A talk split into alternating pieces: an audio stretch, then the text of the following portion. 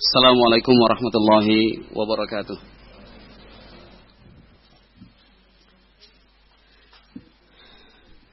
Innal hamdalillah nahmaduhu wa nasta'inuhu wa nastaghfiruh. Wa na'udzu billahi min shururi anfusina wa min sayyiati a'malina.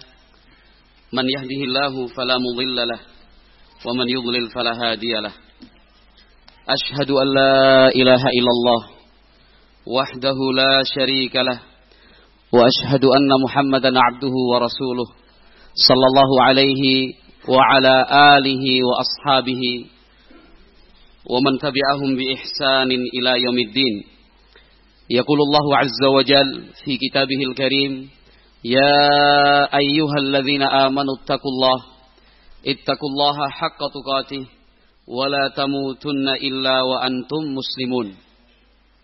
فإن أصدق الحديث كتاب الله وخير الهدى هدى نبينا محمد صلى الله عليه وسلم وشر الأمور محدثاتها فإن كل محدثة بدعة وكل بدعة ضلالة وكل ضلالة في النار إخوتي في الله rahimani wa rahimakumullah. Hari ini merupakan pengalaman yang sangat mengesankan sekali. Sangat mengesankan karena terlambat. Perjalanan yang uh, semestinya untuk ukuran daerah lain bisa ditempuh dalam hitungan menit. Karena jaraknya yang sebenarnya dekat. Hanya 50 sampai 60 km. Ternyata uh, harus ditempuh dengan estimasi waktu yang jauh lebih lama. Karena memang kita di Jakarta. Saya yang hanya sesekali seperti ini itu sudah bisa membayangkan betapa susahnya orang hidup di Jakarta. Susah banget. Untuk memikirkan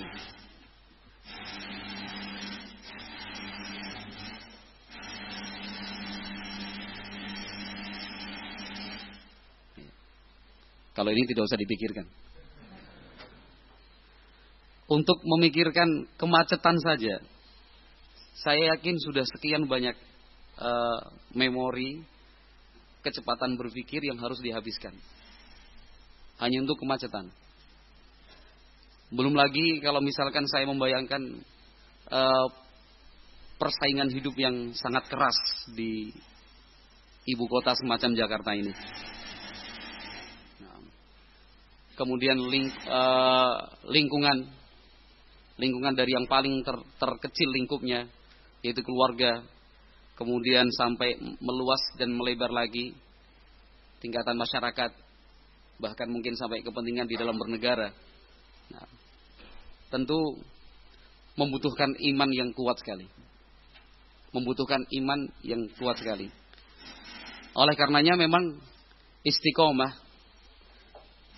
istiqomah di tengah uh, gegap gempita kehidupan ibu kota seperti ini nilainya lebih mahal dibandingkan istiqomah yang dimiliki oleh saudara-saudara kita yang hidup di luar ibu kota. Mereka yang mampu istiqomah dalam kehidupan yang sekeras ini, insya Allah betul-betul menjadi pilihan Allah Subhanahu wa Ta'ala. Walaupun memang resiko untuk futur, jenuh, bosan, kemudian lari meninggalkan agama, lebih besar. Risikonya jauh lebih besar. Karena godaan itu seolah-olah selalu berubah wajah, berubah rupa, warnanya pun seakan-akan tidak pernah sama. Ada saja godaan, bujuk rayu yang akan menurunkan kualitas iman seorang hamba. Nah, maka e, mengalami peristiwa dan momen pagi ini yang terlambat, akhirnya saya bisa memahami.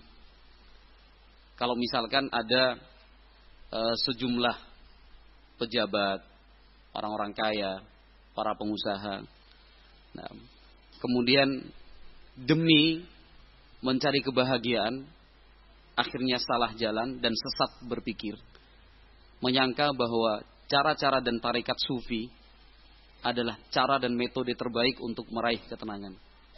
Dari dulu saya sudah mendengar seperti ini. Ada kehidupan di di tengah-tengah hiruk pikuk ibu kota. Nah, sejumlah orang yang mengadakan kajian di rumahnya, mengadakan kajian di musola dan masjid pribadinya, mengundang seorang ustadz, seorang kiai yang mengajarkan tarekat-tarekat sufi, suluk, nah, perjalanan spiritual menuju Allah Subhanahu Wa Taala. Nah, kalau dulu hanya sekedar mengerti, sekarang saya sudah bisa membayangkan. Memang wajar saja apabila kemudian kajian-kajian sufi seperti itu mendapatkan tempat tersendiri di kalangan warga ibu kota. Nah, Padahal hakikatnya bukannya bertambah tenang, bukan pula semakin bahagia. Justru dengan tarikat-tarikat dan jalan-jalan sufi seperti itu, seorang hamba akan semakin tersiksa dan menderita. Nah, tersiksa dan menderita. Kenapa seperti itu? Karena mereka yang mengikuti jalan-jalan sufi, mereka yang mengikuti jalan-jalan tarekat, nah, sesungguhnya mereka sedang terbelenggu dan terpenjara. Nah, oleh pemikiran sesat mereka justru berputar-putar di jalan yang semakin waktu semakin jauh dari jalan Allah Subhanahu wa taala. Nah, justru ditanamkan ke dalam pikiran mereka hal-hal yang berat. Begitu, harus begini, harus begitu, harus begini, harus begitu. Nah, ghulu, sikap ekstrim yang semacam ini. Nabi Muhammad alaihi salatu wasalam melarang Nabi Muhammad SAW melarang sikap ekstrim. Termasuk dalam hal ini. Demi mencari ketenangan, demi mencari kebahagiaan, akhirnya salah jalan. Nah, akhirnya salah salah jalan. Mengamalkan wirid dan zikir la ilaha illallah, la ilaha illallah. Allah, Allah, Allah, Allah. Nah, setiap kali menyebut Allah, nafasnya harus tepat di sini. Ditarik Allah, Allah, Allah. Dan itu fakta yang di lapangan memang menyatakan seperti itu. Kenyataan berbicara. Nah, kenyataan berbicara. Ini kan amalan yang ekstrim. Tidak pernah diajarkan oleh Nabi Muhammad alaihi salatu wasallam, beliau pun tidak pernah melakukannya. Nah, kemudian kenapa lantas dipilih oleh sebagian orang menjadi jalan menuju kebahagiaan, jalan untuk mencari cahaya serta ketenangan. Nah, maka di sinilah dakwah salafiyah dakwah ahlu sunnah wal jamaah harus terus digelorakan, disuarakan. Tanpa mengenal menyerah, tidak mengenal putus asa. Sama-sama bergerak, bertawun. Nah, saling menjaga komunikasi. Apa yang ia punya, ia berikan untuk dakwah salafiyah, dakwah ahlu sunnah. Kasihan ketika kita melihat kenyataan seperti ini. Nah, ketika kita melihat orang-orang tersesat semacam ini, mestinya ada satu sisi dari kita, sisi kasihan belas kasih kita kepada mereka. Dengan belas kasih kita kepada mereka, akhirnya kita terpacu, termotivasi, memiliki semangat untuk berdakwah, menyampaikan al-haq itu semacam ini. Sementara jalan yang Anda pilih itu salah. Cara yang Anda lakukan itu tidak benar. Itu adalah kebatilan. Nah. Tetapi di sisi yang lain, ikhwati yang dimuliakan dan dirahmati Allah Azza wa Jal, kita pun tidak boleh terlalu uh, mengikuti perasaan, kemudian terseret oleh arus yang mereka buat. Terseret oleh arus yang mereka buat. Nah, akhirnya berpindah pengajian dari satu rumah ke rumah yang lain. Tuh rumahnya besar sekali, pejabat ngaji di sana. Kumpulin keluarganya, pejabat-pejabat, rekanan kerja dan kantornya kumpulin, ngisi taklim di sana. Minggu depan pindah lagi tuh rumah besar gedung, masuk, masuk, masuk sana, masuk sini. Nah, tanpa sadar kemudian terbawa oleh arus yang mereka ciptakan. Bukannya kita mengajak mereka, tetapi kita yang akhirnya terbawa oleh mereka. Yang seperti itu, yang seperti ini pun tidak dibenarkan. Nah, seharusnya kalau kita memiliki semangat, kesungguhan untuk mengajak dan menyeru mereka kepada jalan ketenangan, jalan kebahagiaan, ajaklah mereka orang-orang ini yang kita pandang punya pangkat, jabatan, kuasa, rekanan ini dan itu, uang, duit, fulus, kan gitu. Koceknya tebal. Kita ajak justru menghadiri majelis-majelis yang semacam ini. Kita keluarkan mereka dari rumah.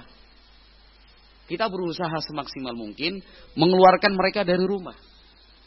Bukankah rumah-rumah seperti itu yang menjadi salah satu sumber kesumpekan, sumber kesempitan hidup mereka ada di dalam rumah. Inginnya sih baik, dakwah itu dibawa ke dalam rumah. Subhanallah pemikiran yang baik, niatan yang bagus. Nah, tapi kalau sekali dua kali masih ditolerir mungkin. Nah, tapi seharusnya pada langkah-langkah yang berikutnya kita berusaha mengeluarkan mereka dari rumah sebagai sumber kesumpekan dan kesempitan mereka. Kita arahkan mereka orang-orang itu yang ingin mencari ketenangan dan kebahagiaan, hadiri majelis-majelis taklim semacam ini yang antum sudah pilih dan antum duduk saat ini di dalamnya. Nah, bukankah Nabi Muhammad alaihi salatu wassalam bukankah Nabi Muhammad wassalam di dalam sejarahnya di fase Madinah. Di fase Madinah. Beliau menjadikan masjid sebagai pusat pendidikan. Pusat tarbiyah dan ta'lim. Pusat tarbiyah dan ta'lim. Walaupun sesekali beliau Rasulullah Sallallahu Alaihi Wasallam juga berkenan untuk mengunjungi rumah per rumah, kabilah per kabilah, kampung demi kampung beliau kunjungi. Nah, tetapi sebagai pusat pendidikan, tarbiyah dan ta'lim, menyampaikan Al-Quran dan Sunnah Nabi alaihi salatu wasalam, membimbing dan mengarahkan umat di mana dan ke mana beliau arahkan? Ke masjid. Nah, di masjid. Kalau misalkan kajian-kajian itu di rumah, di rumah orang kaya, di rumah orang yang punya duit, di, di rumah orang yang punya apa namanya kuasa, di rumah orang yang punya ini ini dan itu. Nah, Jelas sekali perbedaannya antara si pemilik rumah dengan mereka yang datang bertamu, datang mengikuti kajian. Beda. Tapi subhanallah kalau kita berkumpul di tempat semacam ini, di masjid, di masjid-masjid Allah Azza wa Jal, apakah ada rasa beda antara saya dengan yang di ujung sana, yang di pojok sini dengan yang di tengah? Walaupun mungkin di luar statusnya berbeda, pangkatnya juga tidak sama, yang sana lebih tinggi, yang sini lebih rendah, tapi alhamdulillah kita sama-sama merasa satu sama-sama tinggi, sama-sama rendah di hadapan Allah Subhanahu wa taala. Lagi pula para ulama rahimahumullah menyampaikan pesan kepada kita bahwasanya al-ilmu itu yu'ta wala ya'ti. Bayangkan sekaliber dan setinggi sahabat Abdullah bin Abbas radhiyallahu taala anhuma. Sepupu Nabi Muhammad alaihi salatu wassalam. Bahrul Ummah, itu gelar beliau. Bahrul Ummah samudra ilmu dari umat Islam. Samudra ilmu dari umat Islam. Ibn Abbas radhiyallahu taala anhuma, anggota termuda Majlis Syura Umar bin Al-Khattab radhiyallahu taala anhuma. Nah, beliau yang memiliki kedekatan langsung secara nasab maupun secara keilmuan dengan Rasulullah sallallahu alaihi wasallam.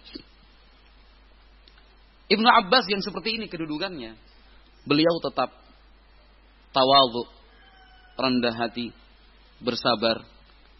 Nah, lebih memilih untuk menjalankan spiritnya al ilmu itu yu'ta wala ya'ti. Ilmu itu didatangin, bukan datang sendiri. Ilmu itu yang harus didatangi. Bukan kita berharap ilmu datang terus. Kata para ulama, innamal ilmu bitta'allum. Ilmu itu hanya bisa diperoleh dengan belajar. Kita yang harus aktif. Kita yang harus aktif untuk mencari, mencari, mencari, mengumpulkan, menghimpun agar ilmu itu betul-betul kita miliki, kita punya. Ibnu Abbas radhiyallahu taala anhuma keliling dari, dari satu rumah sahabat yang yang tua, yang senior, yang kibar dari kalangan muhajirin, dari kalangan ansor, orang-orang eh, para sahabat yang pernah ikut perang Badar, perang, pernah ikut perang Uhud, mereka yang berbayatul ridwan, mengikuti perjanjian Hudaybiyah, itu didatangin satu-satu. Satu-satu. Diketuk pintu rumahnya, sambil bertanya setelah dibuka, Assalamualaikum Waalaikumsalam. Ah, ibnu Ammi Rasulillah. Nah, sepupu Nabi Muhammad alaihi salatu. Mereka para sahabat yang didatangi oleh Ibnu Abbas justru semakin menaruh hormat. Semakin menaruh hormat kepada Ibnu Abbas radhiyallahu taala anhuma. Ibnu Ammi Rasulillah. Tidak dipanggil dengan namanya Ibnu Abbas, bukan. Tetapi demi memuliakan dan menghormati Ibnu Abbas, beliau dipanggil dengan ibna ammi Rasulillah. tetap dikaitkan dengan Rasulullah Sallallahu Alaihi Wasallam. Putra paman Rasulullah itu sepupu. Nah, apa yang bisa saya bantu? Ibnu Abbas baru menyampaikan hajatnya. Saya datang kemari untuk meminta riwayat hadis yang pernah anda dengar langsung dari Nabi Muhammad alaihi salatu wassalam. Dari Nabi Muhammad alaihi salatu Sampaikan satu dua tiga cukup. Nah, sampai kemudian dikisahkan di dalam riwayat Al Imam Ahmad di dalam musnadnya Ibnu Abbas radhiyallahu taala anhuma sampai kemudian ketika datang ke rumah salah seorang sahabat pintu tertutup. Beliau sabar menunggu. Menunggu terduduk sampai kemudian beliau tertidur diterpa oleh angin dan debu nah, yang menghapus wajah Ibnu Abbas radhiyallahu taala anhuma menanti sampai keluarnya sahabat tersebut untuk melaksanakan salat berjamaah. Ketika sahabat itu keluar kaget. Ibnu Ammi Rasulullah, kenapa Anda datang kemari? Kalau perlu silahkan Anda panggil saya, saya yang akan datang menemui Anda. Saking hormatnya para sahabat kepada uh, Ibnu Abbas, keluarga Nabi Muhammad alaihi salatu wassalam tetapi dengan tegas, penuh kesopanan, menunjukkan semangat dan ketulusan. Apa jawaban Ibnu Abbas radhiyallahu taala Jawaban beliau tadi bahwasanya innamal uh, innamal uh, al ilmu yu'ta wala ya, ilmu itulah yang harus dicari, didatengin, dihadirin. Bukannya kita berharap ilmu itu datang terus. Sungguh sangat berbeda ikhwati fillah barakallahu fikum. Sungguh sangat berbeda rasanya ketika kita duduk disatukan di satu atap seperti ini. Dalam sebuah ruangan. Ruangan seluas ini ruangan yang selalu digunakan untuk sholat berjamaah. Untuk berzikir, membaca Al-Quran dan seterusnya. Nah, betul-betul rumah Allah Azza wa di atas muka bumi ini. Kemudian kita manfaatkan untuk belajar agama, mengkaji Al-Quran, mengkaji, mengkaji sunnah Nabi Muhammad SAW lebih menenangkan lebih menentramkan, lebih menyenangkan dibandingkan terus menerus taklim dari satu rumah ke rumah yang lain, rumah ini, rumah itu. Beda. Nah, maka alhamdulillah kita bersyukur kepada Allah Subhanahu wa taala yang telah memberikan taufik dan hidayah untuk kita semua yang hadir di sini. Nah, hadir di sini untuk sama-sama belajar mencari ridha dari Allah Subhanahu wa taala siraman rohani, penyejuk jiwa dan hati dari Al-Quran dan Sunnah Nabi Muhammad alaihi salatu wassalam telah menjadi kebutuhan primer dan utama dalam kehidupan kita sehari-hari. Nah, tanpa kegiatan semacam ini, hati itu akan terasa gersang. Hati itu akan betul-betul kering kerontang. Sudah sekian banyak orang bercerita. Dan cerita ini bukan cerita buatan, tetapi cerita nyata sesuai dengan keadaan yang sesungguhnya. Bahwa mereka yang jauh dari ilmu, mereka yang jauh dari Al-Quran, mereka yang jauh dari sunnah Nabi Muhammad wasallam, mereka yang jauh dari ahlul ilm, mereka-mereka ini merasakan bahwa ada bagian dari kehidupan yang hilang. Ada bagian dari kehidupan ini yang betul-betul hilang. Uang ada, Harta tidak terhitung jumlahnya. Istri dan anak-anak selalu setia menemani di sekelilingnya. Pangkat kedudukan dan jabatan pun seperti itu. Meskipun dia tidak mengejar, kadang-kadang ia yang dikejar oleh pangkat dan kedudukan. Nah, prestis, gengsi, popularitas, apa yang tidak ia punya? Apa yang tidak ia punya? Tetapi faktanya, ia masih saja merasa kurang masih ada sesuatu yang belum ia temukan. Masih saja ada sesuatu yang belum ia temukan. Dan itu kan fakta. Kenyataan di lapangan berbicara seperti itu. Nah, dari sekian banyak orang yang mencari, mencari, mencari sesuatu yang hilang itu. Dari sekian banyak orang yang terus mencari dan mencari, mencari penggalan hati, penggalan hati yang seakan-akan membuat kosong itu dicari dan dicari. Akhirnya ketemu juga jawabannya. Jauh dari Allah Subhanahu wa taala. Jauh dari Allah Subhanahu wa taala. Kita lihat kehidupan Rasulullah sallallahu alaihi wasallam. Kehidupan para sahabat, tabi'in, tabi'ut tabi'in dan para ulama yang dengan gigih dan tekun, teguh, istiqamah, kokoh mengikuti jalan mereka Kehidupan mereka super tenang. Tenang, tenang, tentrem, plus, plus, plus, plus. Padahal apa yang mereka punya tidak lebih banyak dari apa yang kita punya. Apa yang mereka punya tidak lebih banyak dari apa yang kita punya. Kalau mau dihitung-hitung kita jauh lebih lebih kaya. Kalau mau dihitung-hitung kita jauh lebih kaya dari Rasulullah Sallallahu Alaihi Wasallam, dari sahabat, tabiin, tabiut tabiin dan para ulama yang betul-betul mengikuti jejak mereka. Kalau mau dihitung-hitung, misalkan berita dari ibunda kita, Ummul Mukminin Aisyah radhiyallahu taala Seperti itu juga berita dari Ummu Salamah, ibunda kita juga, serta istri-istri Nabi sallallahu alaihi wasallam yang lain. Apa kata mereka? Ibunda kita ini. Marra alaina hilalun, thumma hilalun, thumma hilalun. Wa ma kana ma'ana illa al-aswadan, al-ma'u wa tamru. Kata ibunda kita, istri-istri tercinta Nabi alaihi salatu wasalam. Terbit bulan sabit pertama, hilal. Terbit bulan sabit yang kedua terbit lagi bulan sabit yang ketiga. Dua bulan berturut-turut. Kami tidak punya bahan makanan. Kami tidak punya bahan makanan di dalam rumah. Kecuali dua jenis saja. Kurma dan air putih. Ini Rasulullah Sallallahu Alaihi Wasallam. Maka kalau mau dihitung-hitung kita jauh lebih kaya. Kurma saja numpuk hadiah dari Ramadan kemarin belum habis-habis. Enggak doyan. Air putih kalau nggak RO nggak mau. Harus mineral, air sumur, Jakarta polusi. Ntar sakit. Kan itu. Itu air numpuk. Kurma seperti yang saya gambarkan tadi dari Ramadan kemarin nggak habis-habis. Ini mau beli lagi untuk Ramadan tahun berikutnya. Tetapi itu bahan pokok makanan Nabi Muhammad SAW yang kemudian hari diteliti, dipelajari, subhanallah, para pakar kesehatan dan ahli gizi Subhanallah. Mereka mengatakan justru itu sumber kekuatannya Nabi Muhammad SAW. Air nah, dengan kurma yang tentu kualitasnya seperti kualitas zaman dulu. Nah, itu sudah lebih dari cukup untuk kebutuhan energi tubuh. Nah, kita kan yang ber apa namanya bertumpuk jenis makanannya, bahkan kadang-kadang melebihi kebutuhan yang kita perlukan. Nah, maka kalau sekarang ada idiom mengatakan beberapa penyakit yang dulunya hanya diidap oleh para raja dan pangeran serta menteri. Sekarang rakyat jelata yang tinggal di kampung kumuh saja ikut merasakannya.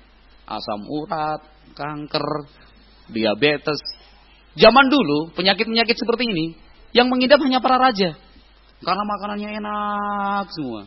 Zaman sekarang orang miskin saja penyakitnya kayak orang kaya. Begitu dokter? Ya ada dokter Diaul nih, kawan dari Solo yang ikut menemani. Sampai ada idiom seperti itu. Luar biasa kan betapa kayanya kita. Tetapi apakah setenang Rasulullah Shallallahu Alaihi Wasallam kehidupan kita? Ya jawabannya enggak. Sama sekali. Ketenangan yang kita rasakan saat ini belum mencapai ketenangan puncak yang pernah dirasakan oleh Nabi Muhammad SAW dan para sahabat radhiyallahu taala anhum ajmain. Satu sisi saja yang mungkin bisa kita ambil sebagai contoh. Satu sisi yang bisa kita ambil sebagai contoh, ikhwati fillah barakallahu fikum, sikap qanaah. Sikap qanaah. Selalu merasa cukup. Nah, ini kan konsep yang diajarkan oleh Islam, konsep yang maha sempurna.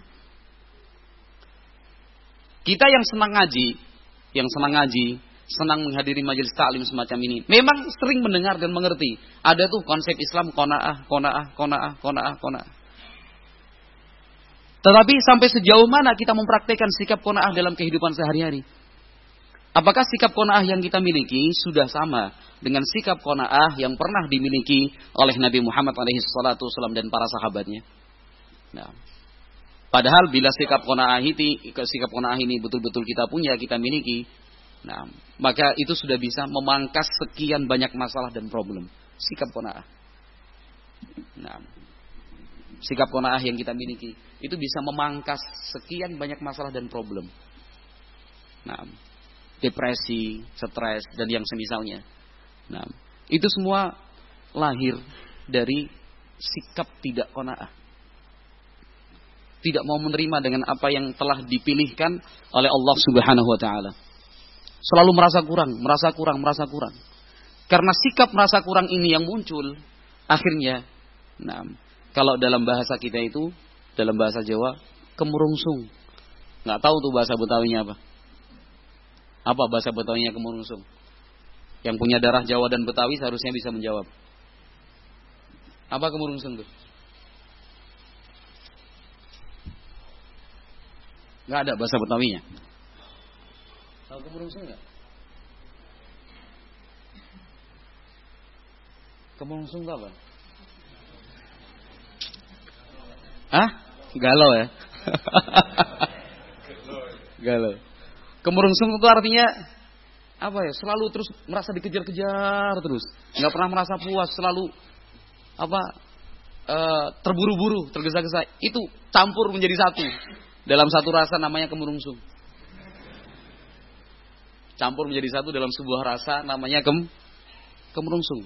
Nah, seolah-olah begitu. Ia tidak pernah merasa puas terus. Kalau orang sudah tidak pernah merasa puas, bagaimana ia bisa hidup tenang? Bagaimana mungkin dia bisa hidup tenang?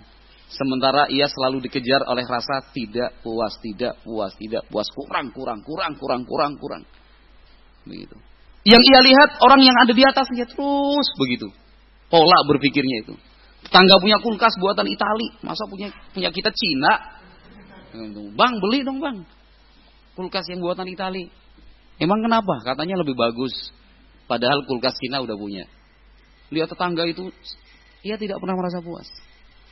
Padahal dalam sikap kona'ah, seperti apa Nabi Muhammad SAW membimbing kita? Luar biasa ini bimbingan dari Nabi SAW ini. Bila bimbingan dari Nabi alaihi salatu wasallam taujih nabawi, arahan dari beliau sallallahu alaihi wasallam ini betul kita wujudkan secara nyata dalam kehidupan sehari-hari, luar biasa pengaruhnya. Menenangkan pikiran, menyenangkan dan menenteramkan hati. Sebuah hadis yang sudah sering kita dengar. Tapi saya kira perlu juga untuk diulang sebagai e, cara untuk menyadarkan kita bahwa kita selama ini hidup dalam penuh kenikmatan.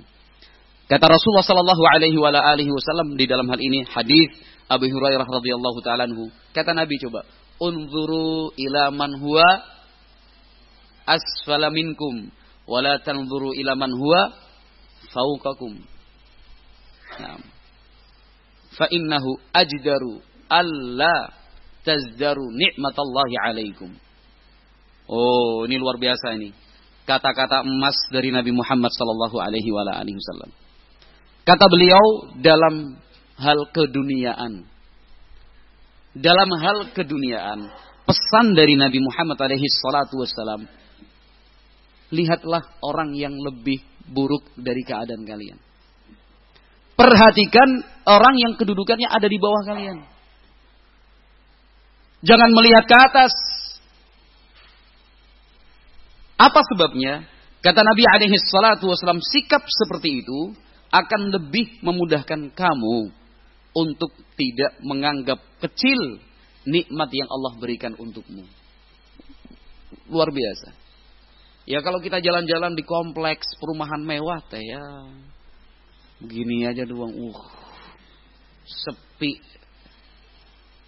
Ada pagar garasi yang apa tidak tertutup penuh itu, ada lubang-lubangnya. Uh, mobil tiga, motornya. Uh, uh, uh. Hmm? Makin puyeng aja gitu. Bener mas, bener. Makin puyeng kalau kita seperti itu.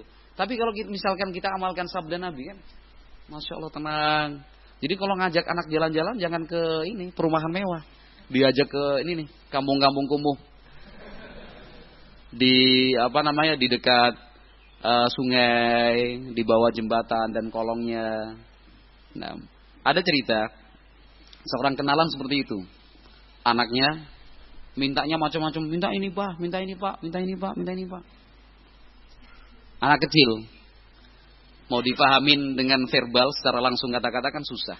Cara berpikirnya masih cara berpikir anak-anak. Suatu saat hari libur, papahnya ini orang tuanya ngajak anak-anak anak-anak ya, anak-anaknya cowok dua, laki-laki. Dinaikkan ke atas motor, diajak jalan-jalan keliling kota. Ceritanya ini Bukan kota Jakarta yang jelas. keliling kota terus akhirnya disinggahkan masuk ke kampung-kampung kumuh di bawah jembatan tuh. Mobil diparkir kedua anaknya diajak jalan-jalan. Tuh lihat. Suruh melihat secara langsung menyaksikan agar dia menilai sendiri seperti apakah hidup susahnya mereka itu. Nah gubuk-gubuk ya kan. Suara musik yang mengiringi itu bukan musiknya apa namanya yang melankolis dan romantis itu bukan. Suara nyamuk. Itu suara musik semalam-malamnya kan. Itu luar biasa. Bau busuk itu menyengat. Sangat mengganggu pernafasan sekali. Kedua anak itu anaknya langsung melihat secara nyata bagaimana anak-anak kecil bermain penuh kotor debu sampah makannya apa adanya jemuran itu wah kayak orang pasar kaget malam aja kan jualan baju. Setelah melihat secara langsung menyaksikan baru sang ayah berusaha untuk menyadarkan. Bagaimana? Bukankah kehidupan kita selama ini jauh lebih baik dari mereka? Apakah mas mau hidup seperti anak-anak ini? Itu langsung tersadar. Alhamdulillah dengan cara seperti itu subhanallah nggak pernah minta yang macam-macam lagi. Bersyukur terus, hidup lebih ekonomis. Karena anaknya nggak minta macam-macam. Nah, ini sabda Nabi alaihi salatu wasallam. Konsep Islam itu betul-betul matang. Sempurna. Betul-betul sempurna. Ini kan pesan dari Nabi alaihi salatu wasallam. Lihat orang yang di bawahmu, jangan lihat di atasmu. Dalam urusan apa? Dunia. Dalam urusan dunia. Apalagi kalau kemudian kita terpukau, tercengang dengan kemajuan teknologi dan perkembangan dunia yang dimiliki oleh orang-orang kafir. Wah, gitu. Udah mulai dibanding-bandingin nih. Banding-bandingin. Jakarta sama Canberra jauh banget. Singapura tuh, misalkan. Bersih kotanya, aturannya ini, ini, dan itu. Jakarta, macet, banjir. Nah, ya yang seperti itu benar, kata Mas siapa tadi? Auza'i. Uyang Bener-bener puyeng. Nah, coba deh jalan-jalan misalkan sampai ke ujung Kalimantan Utara sana. Jalannya masih begini, lubang semua. Itu masih jalannya tanah. Bersyukur deh di Jakarta aspalnya halus meskipun macet. Bersyukur. Kan kehidupan seperti itu. Yang lainnya udah punya mobil, motor bagus, keren, abis. Gitu. Kapan ya punya motor sama mobil seperti itu? Tambah puyeng tambah puyeng. Tapi coba sekali sekali kali waktu ngajak istri, ngajak anak-anak pulang kampung, jalan-jalan ke kampung misalkan. Lihat simbah-simbah tua, kakek nenek naik sepeda ontel Jawa tuh, wah gitu. Karung penuh padi di belakangnya atau rumput untuk makanan sapi serta kambing. Senyum tuh si kakek. Seneng, dinikmati banget tuh. Jarak dekat antara sawah dan rumah yang kalau kita pakai motor itu bisa jarak tempuh 10 menit 15 menit. Itu si kakek mau tuh setengah jam satu jam. Dinikmati banget tuh. Ya kita harusnya jauh lebih bersyukur. Karena meskipun sepeda motor yang kita punya pitung pitung puluhan tahun tujuh bulan tuh ya paling tidak sudah bisa mengantarkan kita. Itu menghubungkan antara rumah dan tempat kerja. Menghubungkan antara rumah dengan tempat taklim alhamdulillah bisa menjadi media kita menjadi objek peluk seorang istri. Luar biasa. Tapi kalau yang pakai mobil Nggak ada tuh acara peluk-peluk. Betul nggak? Nggak ada acara peluk-peluk. Oh, biasa dipisahkan oleh kedua kursi. Bisa. Cuman ini itu kan cara berpikir kita, bukan berarti nggak boleh punya mobil, bukan. Ini cara berpikir kita bahwa lihatlah orang yang lebih di bawahmu, jangan lihat orang yang di atasmu. Nah, dengan cara seperti itu, masya Allah kita akan terbantu untuk bersyukur kepada Allah Subhanahu Wa Taala. Kemudian dengan cara seperti itu kita akan terbantu untuk menghargai orang lain, tidak meremehkan. Kan begitu, tidak meremehkan. Oh ternyata ada orang yang lebih di bawah kita. Dan kita pun sebenarnya ada di bawah sekian banyak orang. Alhamdulillah. Memang konsep Islam untuk konah itu luar biasa indah sekali. Nah, maka siraman rohani yang semacam ini seharusnya sering disampaikan. Seharusnya sering disampaikan. Apalagi kalau kita udah berbicara tauhid. Nah, kalau kita udah sudah berbicara tauhid, tauhid itu memang sumber segala ketenangan. Kayak gitu. Tauhid itu adalah sumber segala ketenangan. Allah Azza wa Jalla menyatakan dalam Al-Qur'an, "Alladzina amanu wa lam yalbisu imanahum bidzulmin." Apa ayat setelahnya? Ulaika lahumul amnu wa hum wa wa hum belum ya? Wa hum muhtadun. Alladzina amanu, orang-orang yang beriman, walam yalbisu. Kemudian mereka tidak menodai, tidak mengotori imanahum, keimanan mereka bizulmin dengan sekecil kezaliman apa pun. Orang-orang seperti ini Allah menyatakan ulaika lahumul amnu. Mereka adalah orang-orang yang akan meraih keamanan, ketenangan. Wahum muhtadun. Selain itu mereka pun menjadi orang-orang yang mendapatkan hidayah dari Allah Subhanahu wa taala. Nah, ketika ayat ini diturunkan, ketika ayat ini diturunkan, sahabat banyak datang menemui Nabi alaihi salatu wasallam sambil menangis. Di dalam hadis riwayat Muslim. Mereka semua menangis menemui Nabi alaihi salatu wasallam, "Ya Rasulullah, wahai Rasulullah, wa man minna la yadhlim?" Siapa di antara kami yang tidak berbuat zalim? Artinya semua kita ini selalu berbuat zalim. Kecil, besar, sering, jarang. Tapi kalau untuk benar-benar lepas dari kezaliman tidak mungkin ya Rasulullah. Kata kita manusia. Manusia itu tempatnya salah dan tempatnya lupa. Benar memang seperti itu, tempat salah dan tempat lupa. Oleh karena itu ada syariat taubat, syariat istighfar, syariat untuk memperbaiki keburukan dengan kebaikan. Ya Rasulullah berat ayat ini. Kemudian Nabi alaihi salatu wasallam membimbing bukan seperti itu. Laisa kama taqulun. Bukan seperti yang kalian fahami kezaliman itu. Bukankah kalian pernah mendengar firman Allah Subhanahu wa taala, "Inna syirka la zulmun azim."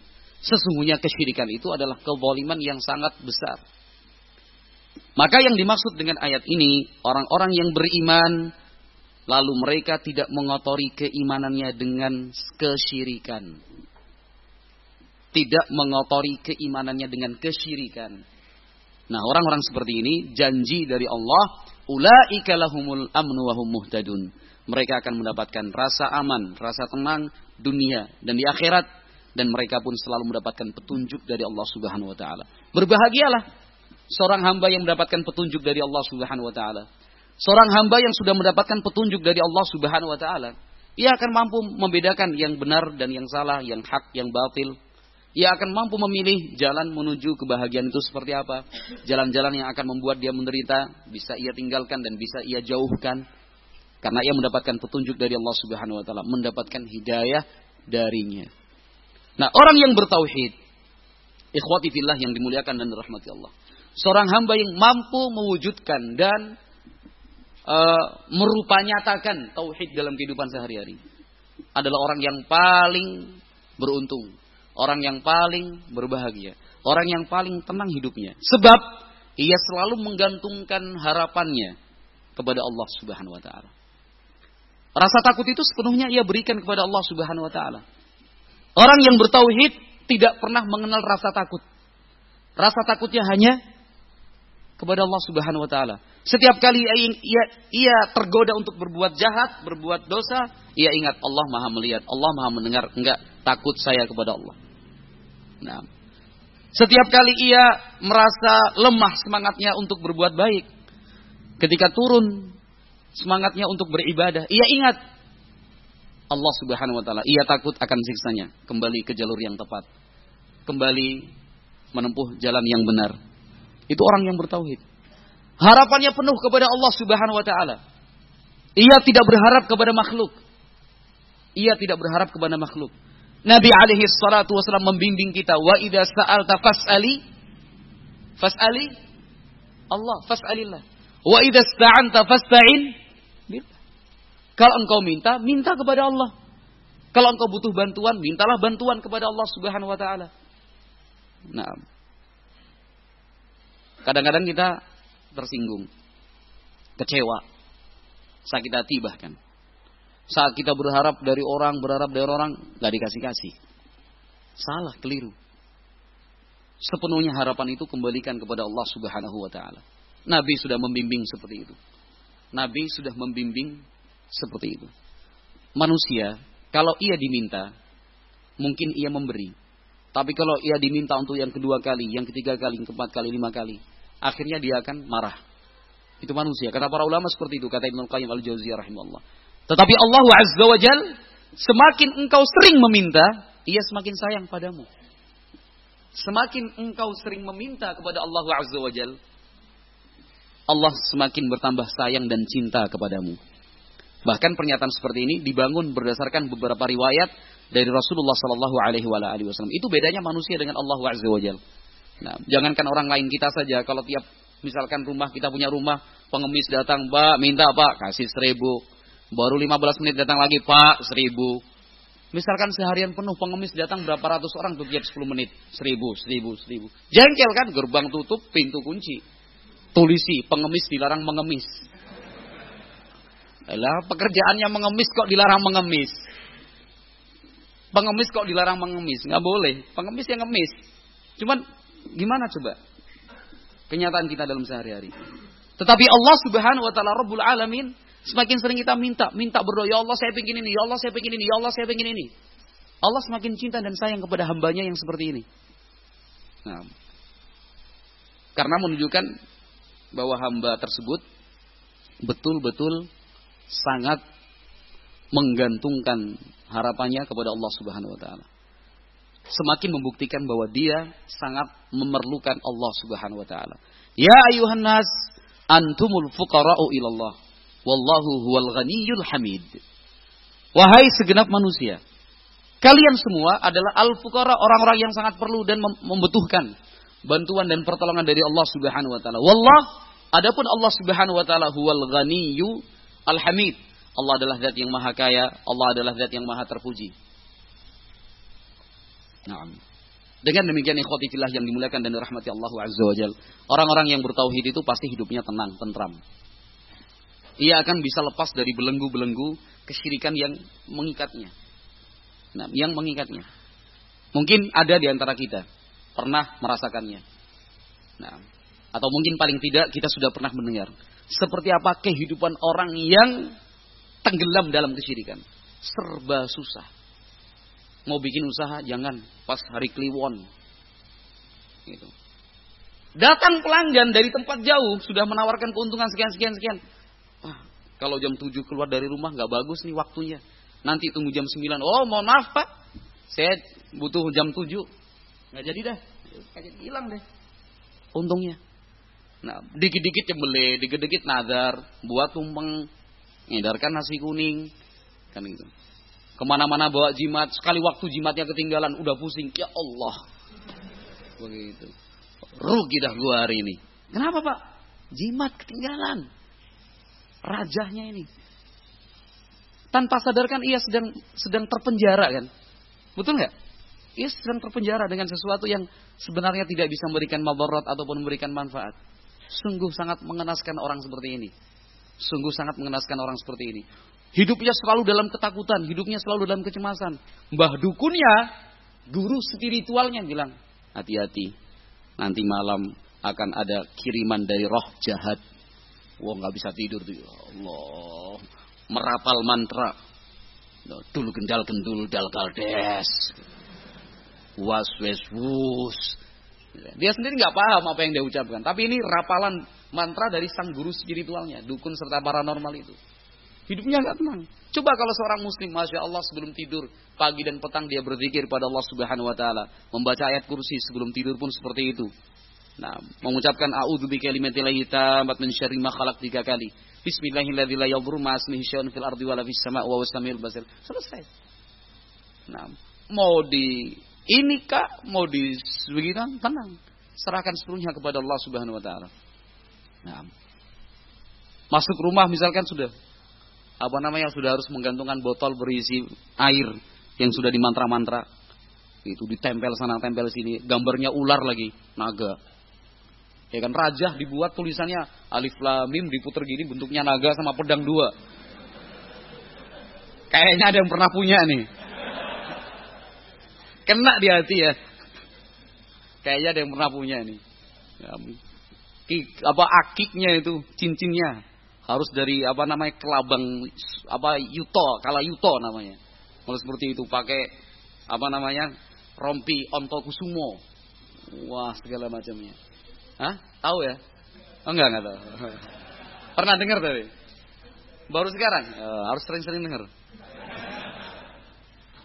Nah, begitu. Luar biasa. Artinya orang-orang yang tenggelam di dalam kesyirikan, ikhwati fillah barakallahu fikum. Orang-orang yang tenggelam dalam kesyirikan itu, hidupnya justru jauh dari ketenangan. Kan gitu, takut, terus cemas, terus ini ini itu nanti jinnya begini, setannya begini, jinnya sini. Secara tidak sadar ya sudah jauh dari Allah Subhanahu wa taala. Sudah jauh dari Allah Subhanahu wa taala. Keris yang dia punya. Kan gitu, keris yang dia punya, katanya bertuah, memiliki berkah. Nah, ini ini dan itu. Tiap tanggal malam satu sore harus dimandikan. Gitu, mandinya pun harus tujuh kembang setaman. Mulai dari melati, mawar, kenanga dan seterusnya. Mandikan begini secara tidak sadar dia sudah menghamba kepada makhluk mati, benda mati. Karena akhirnya rasa takut dia, rasa harapnya bukan digantungkan kepada Allah Azza wa Jal, kepada benda-benda mati tersebut. Benda-benda mati tersebut. Udah punya kebal ilmu kebal sana kemari, macam-macam mau berkelahi, gagah gini. Kan itu. Keren, keren abis. Pas suatu saat, aduh lupa, mundur teratur. Kena bacok, kena nih karena apa? Jimatnya lupa dibawa. Jimatnya lupa dibawa. Subhanallah. Ikhwati kita bersyukur. Betul-betul kita bersyukur kepada Allah Subhanahu wa taala yang sudah mengenalkan Islam untuk kita. Kemudian mengarahkan kita berjalan di atas tauhid Allah Azza wa Jal. Kita betul-betul mentauhidkan Allah. Nah, semua yang kita punya, semua yang kita miliki, nah, apa pun yang kita perbuat, setiap apa yang kita ucapkan, apa yang kita yakini, semuanya fillah walillah.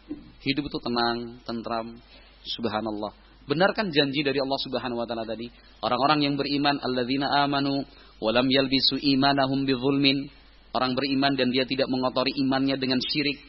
Ulaika lahumul amnu wa hum muhtadun.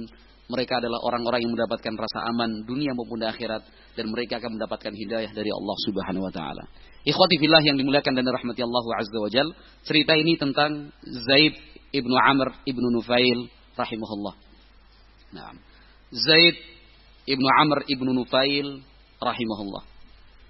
Beliau lahir di generasi sebelum generasi Nabi Muhammad sallallahu alaihi wasallam putranya yang bernama Sa'id akhirnya nanti termasuk sahabat dekat Nabi Muhammad sallallahu alaihi wasallam.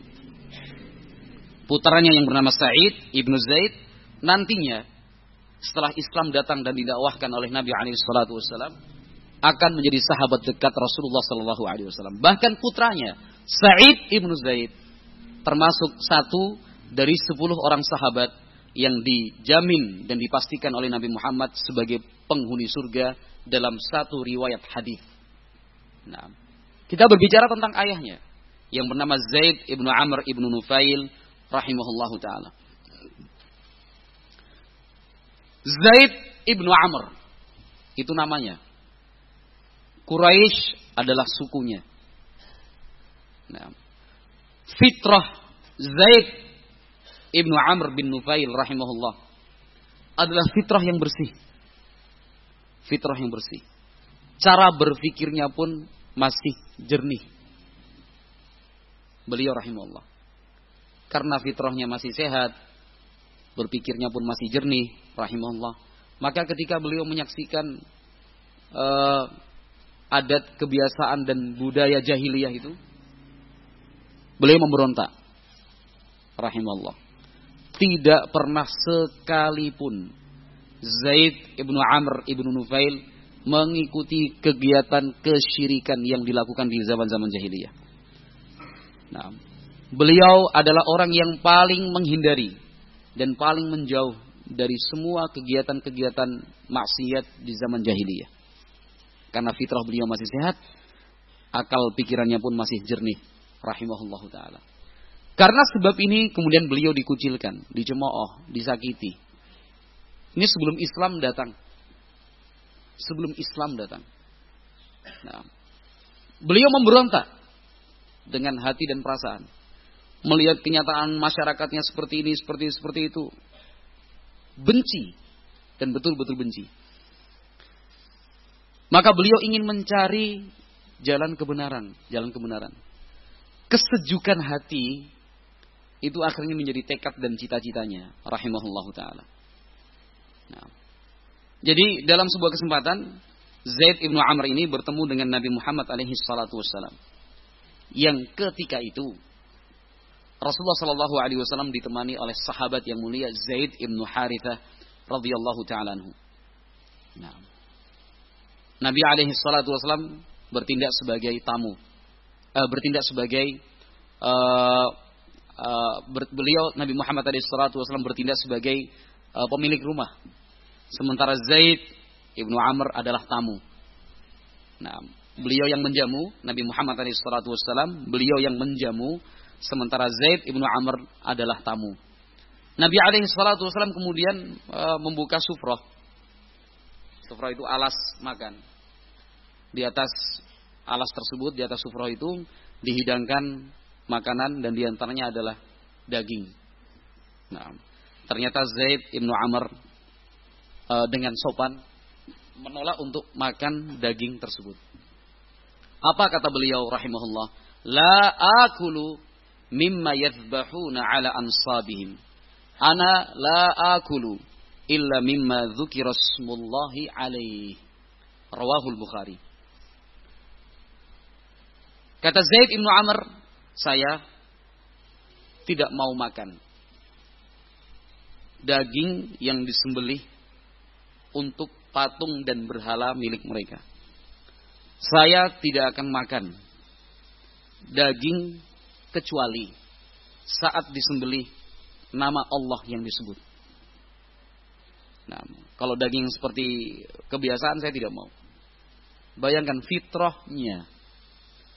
Akal sehat Zaid ibnu Amr ibnu Nufail rahimahullah taala seperti itu. Tidak mau. Apakah beliau sudah mendapatkan eh, ajaran-ajaran uh, yang hanif Apakah beliau rahimahullah telah mendapatkan dan memperoleh ajaran-ajaran yang hanif, yang lurus? Nah. Di dalam riwayat lainnya disebutkan.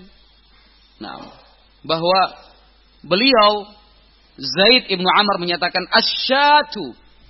Asyah. Kambing. Khalaqah Allah Allah yang menciptakan kambing itu. Wa anzala minas sama'il ma' wa ambatalaha minal ardi thumma tadhbahunaha ala ghairi ismillah. Kambing itu kan yang menciptakannya Allah yang menurunkan air dari langit dalam bentuk hujan kemudian diminum kambing tersebut siapa? Allah.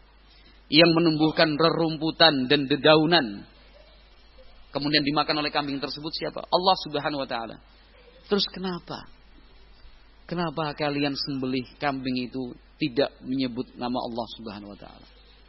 Lihat fitrah yang lurus, akal pikiran yang masih jernih, sehat logikanya.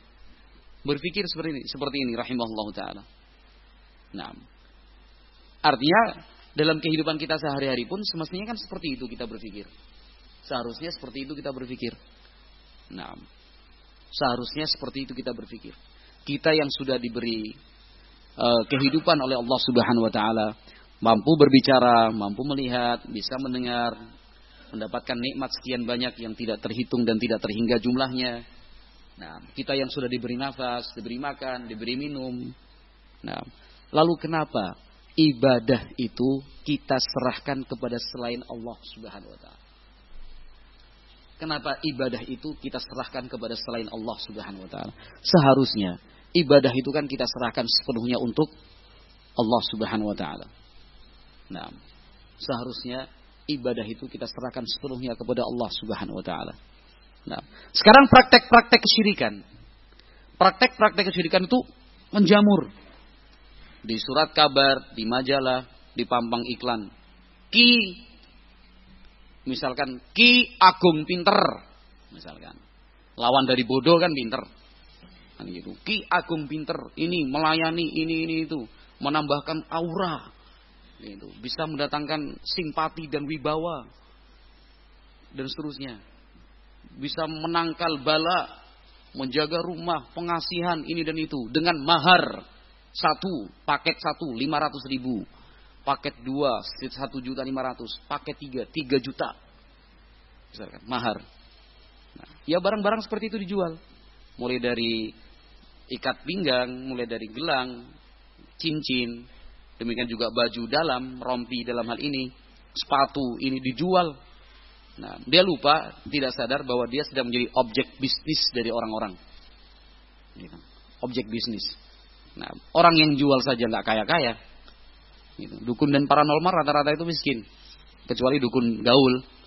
Gitu. Dukunnya artis mungkin, gitu. kaya-kaya. Ya kayak itu. Ya, kayak itu. Nah, harus bayar mahar ini, mahar itu, subhanallah. Ini kan praktek kesyirikan. Praktek kesyirikan. Dia gantungkan harapan, tawakalnya, sikohnya, rasa percayanya, rasa takutnya kepada selain Allah subhanahu wa ta'ala. Kepada benda-benda mati seperti ini. Kepada benda-benda mati seperti ini. Padahal kalau kita membaca hadis-hadis Nabi alaihi salatu wasallam, jelas sekali dalam sekian banyak hadis Nabi alaihi salatu wasallam melarang kita melakukan hal-hal seperti ini. Man ta'allaqa tamimatan faqad asyrak. Barang siapa yang menggantungkan tamimah, jimat dan yang semisalnya, dia telah berbuat syirik kepada Allah Subhanahu wa taala. Murnikan akidah itu. Bersihkan keyakinan kita. Nah, semuanya hanya untuk dan karena Allah Subhanahu wa taala. Nah. Nah, ikhwati fillah yang dimuliakan dan rahmati Allah azza wajalla, kita bisa melihat secara langsung bagaimana Zaid bin Amr bin Nufail berpikir. Ah, ini saja secara akal sehat sudah nggak nggak nggak pas.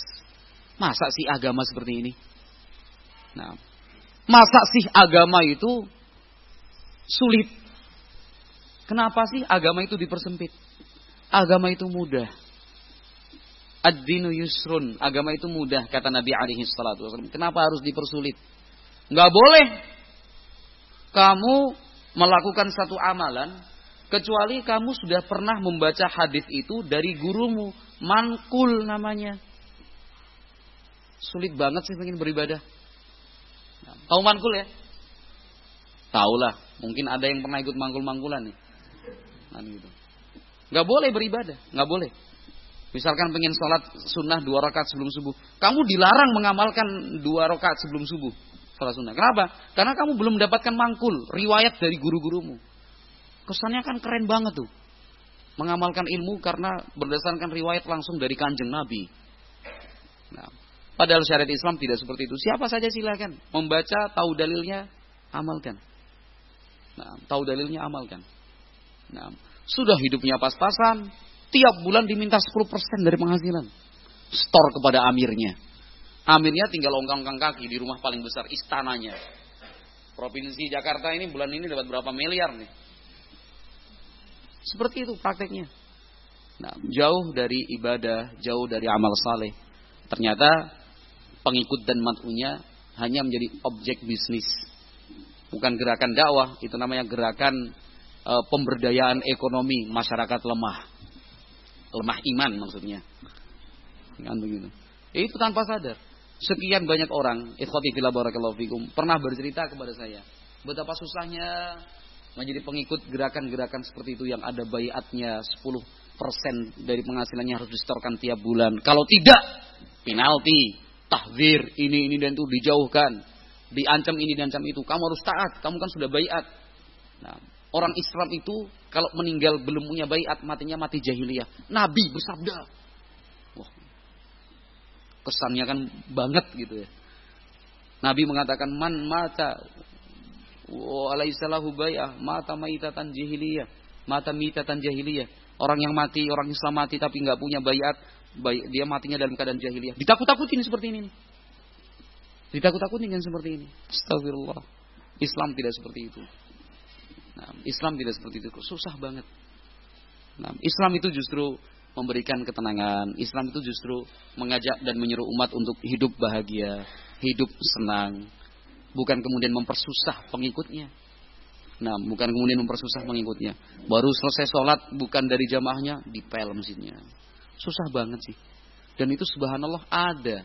Bukan cerita yang dibuat-buat. Enggak, kata siapa? Enggak. Ya kenyataan. Yang cerita juga mantan pengikut lo. Pengikut lo yang cerita sama gue. Gitu dulunya. Itu mau ditutupin gimana? Ya mungkin yang ini enggak. Yang itu iya. Mungkin tingkatannya berbeda. Nah, Maka Zaid ibnu Amr bin Nufail rahimahullah sampai seperti itu.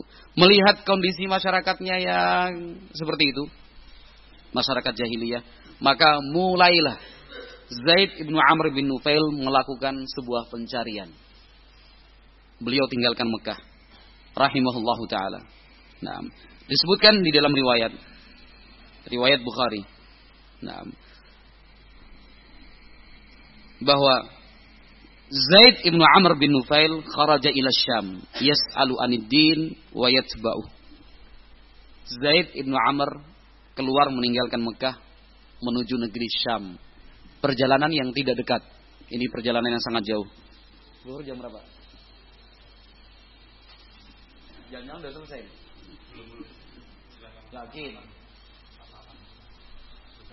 48 tuh adarnya apa sholatnya? Berarti kita berhenti Berapa menit lagi?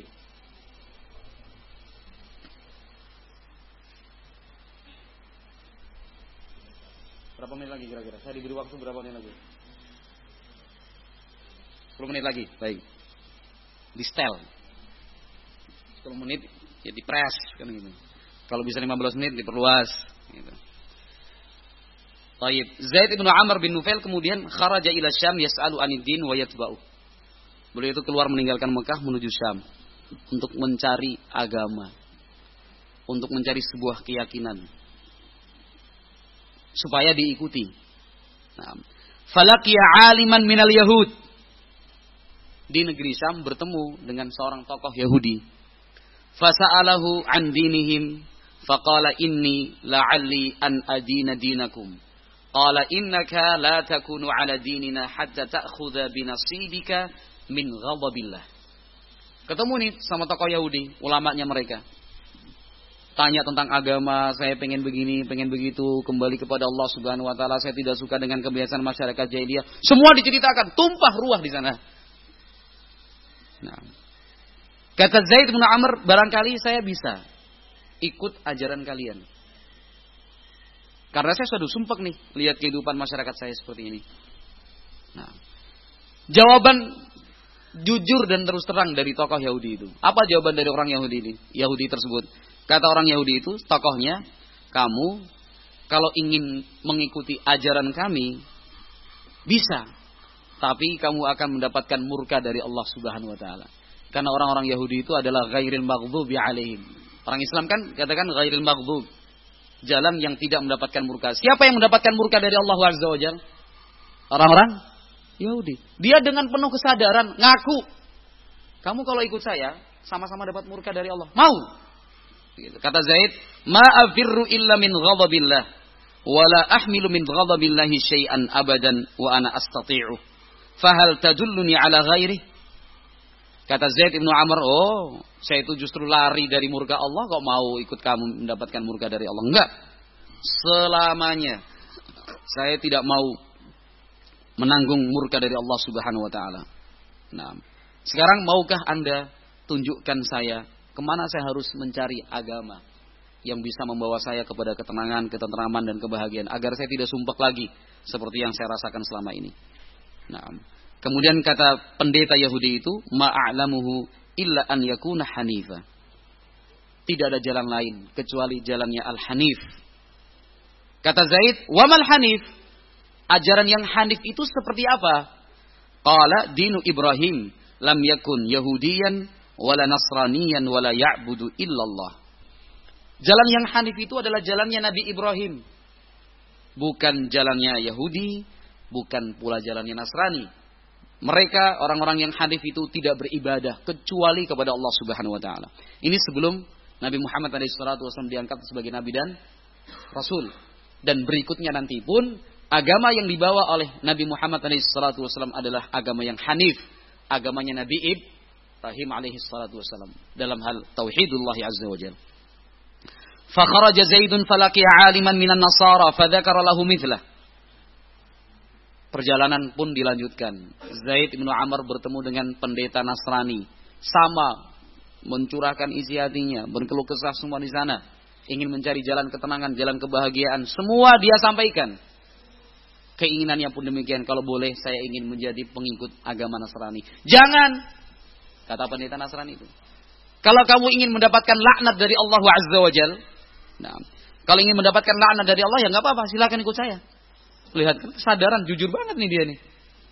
Dia tahu kalau ikut agama Nasrani akan mendapatkan laknat dari Allah Subhanahu wa taala. Tapi kenapa? Gengsi. Nah, tapi dia bilang jangan, kamu kalau ikut Nasrani seperti saya dapat laknat dari Allah. Nah, terus apa yang harus saya lakukan? Nah, apa yang harus saya lakukan? Nah, kemudian di dalam beberapa riwayat yang lain disebutkan bahwa uh, kedua pendeta tersebut menyampaikan bahwa akan ada seorang nabi yang diutus oleh Allah Azza wa Jal, penutup para nabi dan para rasul alaihi wassalatu wassalam yang mengajarkan agama yang sedang engkau cari ini. Agama yang sedang engkau cari. Nah, rahimahullahu taala. Setelah beliau berusaha mencari, mencari, mencari, mencari, mencari, mencari, tidak ketemu, maka Zaid ibnu Amr bin Nufail pun berdoa, Allahumma sambil mengangkat kedua tangannya. Allahumma inni ashhaduka anni ala dini Ibrahim. Ya Allah, saya mengucapkan kesaksian di hadapanmu ya Allah. Bahwa saya ini berada di atas ajaran Nabi Ibrahim alaihi salatu wassalam. Alaihi assalatu wassalam. Ini kan sebuah pencarian. Nah, sebuah pencarian telah dilakukan oleh Zaid ibnu Amr bin Nufail rahimahullahu taala. Kenapa beliau mencari? Karena beliau tidak menemukan tidak menemukan sumber-sumber ketenangan hati, beliau belum menemukan hal-hal yang bisa menyejukkan jiwanya. Nah, maka beliau terus mencari, terus mencari, terus mencari. Mungkin ikhwati fillah yang dimuliakan dan dirahmati Allah Azza wa mungkin seharusnya kita pun seperti itu. Nah, Semestinya kita mencontoh Zaid bin Amr bin Nufail. Kita lihat sekarang kondisi masyarakat kita. Aduh. Menyedihkan. Menyakitkan. Menangiskan. Membuat kita menangis. Nah, praktek-praktek kesyirikannya na'udzubillahi min. Nah, bukan hanya menimpa orang-orang yang kurang terpelajar. Tetapi kaum terpelajar, kaum cendikiawan dan ilmuwan pun ternyata tidak lepas dari jerat-jerat kesyirikan. Gelarnya profesor. Masya Allah. Sudah doktor ke sana dan kemari. Titelnya itu berderet rapi. Titelnya berderet rapi. Tetapi subhanallah hatinya terpenjara oleh benda-benda mati. Titipan dari kakeknya, dapat dari Kediri dan Tulung Agung di Jawa Timur bagian selatan, belum lagi dapat apa namanya barang antik dari Banten, ilmu tua. Ilmu tua. Belum lagi punya kayu, batang kayu yang diambil dari pedalaman Kalimantan, siung harimau dari Sumatera, belum lagi yang apa namanya topeng-topeng aneh dari Papua. Subhanallah, dikumpulkan tuh kerang-kerang antik dari Sulawesi, disebut semua tuh, lengkap sudah koleksinya. Nah, dan itu kan banyak banyak yang apa namanya melakukan hal-hal seperti ini. Luar biasa pangkat dan kedudukannya. Masya Allah dihormati banget. Ditokohkan di tengah masyarakat. Tapi rumahnya penuh dengan gending, alat musik, gong dan semisalnya. Patung-patung dan arca. Jadi aroma mistisnya itu banget. Gitu. Masuk ke dalam rumahnya itu udah ngeri. Di, merinding gitu. Di. Kasihan kan? Titelnya itu ternyata tidak bermanfaat. Akal sehatnya itu kemudian hilang. Tidak lagi bisa berpikir dengan jernih. Benda mati. Kok diyakini bisa memberikan berkah, bisa memberikan keuntungan, bisa membuka pintu-pintu rezeki, bisa menolak bala. Sholat saja tidak ia lakukan. Ibadah yang semestinya ia berikan kepada Allah Subhanahu wa taala zat yang mengatur dan menentukan seluruh apa yang terjadi dalam semesta ini, ia tidak pernah membangun komunikasi ke atas. Ia malah terpenjara dengan benda-benda mati tadi. Nah, itu kan kondisi masyarakat kita. Nah, mau maju nyalek aja harus ziarah kubur ke sana dan kemari. Astagfirullahaladzim. Membangun komunikasi dengan para para pembangun dan pendiri bangsa ini. Katanya seperti itu. Pelaku-pelaku kemaksiatan. La haula wa la quwata illa billah. Kalau mau dipikirkan dan disebutkan satu persatu. Sakit hati kita. Sakit hati mulai dari korupsinya, manipulasinya, markupnya, ini dan itu. Sogokan dan suap penyuap, ini dan itu. La haula wala quwata illa billah. Maksiatnya, prostitusi, baik yang terang-terangan maupun uh, terselubung, kejahatan seksual yang baru-baru ini kita dengar jadi sedang ramai di Indonesia. Kan miris kita kan. Satu pelaku saja menjadikan korbannya anak-anak kecil, korban sodomi, naudzubillah, sampai puluhan. Apakah kemudian kita merasa tenang? Anak-anak kita kemudian hidup berkeliaran seperti itu di tengah-tengah masyarakat yang wallahu alam jauh dari nilai-nilai yang luhur, nilai-nilai kemuliaan dan akhlak-akhlak yang baik. Anak-anak perempuan kita, istri-istri kita perlu dididik, diarahkan kepada Islam. Kita pun seperti itu harus selalu mendekat kepada Islam, harus selalu mendekat kepada ilmu sehingga ikhwati fillah barakallahu fikum kesejukan hati terutama dalam lingkup keluarga kita bukan hanya bukan hanya menjadi sebuah impian kosong, bukan hanya angan-angan dan khayalan tanpa makna. Tetapi itu insya Allah menjadi terwujud, menjadi sesuatu yang nyata dalam kehidupan sehari-hari. Aduh, yang jelas kita cuma ngelus dodo. Nah, melihat anak-anak muda berboncengan sana kemari, maka kita ingin mendengarkan adzan panggilan dari Allah Subhanahu wa taala. Karena azan pun yang dikumandangkan itu bisa menenangkan ha? hati. Wallahu alam bisawab. Ini sudah cukup atau mau dilanjutkan pada duhur? Cukup, ya. Cukup untuk sekarang. Kita lanjutkan insyaallah walaupun sebentar nanti pada duhur. Subhanakallahumma wa bihamdik asyhadu an la ilaha illa anta astaghfiruka wa atubu ilaik. Wassalamualaikum warahmatullahi wabarakatuh. Bismillahirrahmanirrahim. Alhamdulillah Alhamdulillahi hamdan katsiran tayyiban mubarakan fihi كما يحب ربنا ويرضاه. والصلاة والسلام على نبينا محمد وعلى آله وصحبه وسلم. قال الله عز وجل يا أيها الذين آمنوا اتقوا الله حق تقاته ولا تموتن إلا وأنتم مسلمون. فإن أصدق الحديث كتاب الله وخير الهدى هدى نبينا محمد صلى الله عليه وسلم. وشر الأمور محدثاتها فإن كل محدثة بدعة وكل بدعة ضلالة وكل ضلالة في النار إخوتي في الله yang dimuliakan dan dirahmati Allah Azza wa Jal. Apakah kesimpulan sementara dari uh, pembahasan yang telah kita dengar bersama sebelum zuhur tadi? Nah, kesimpulan sementara yang bisa kita ambil Ikhwati fillah barakallahu fikum. Kita harus memiliki sebuah keberanian untuk melawan arus arus keburukan dan arus kejahatan yang ada di tengah-tengah masyarakat kita.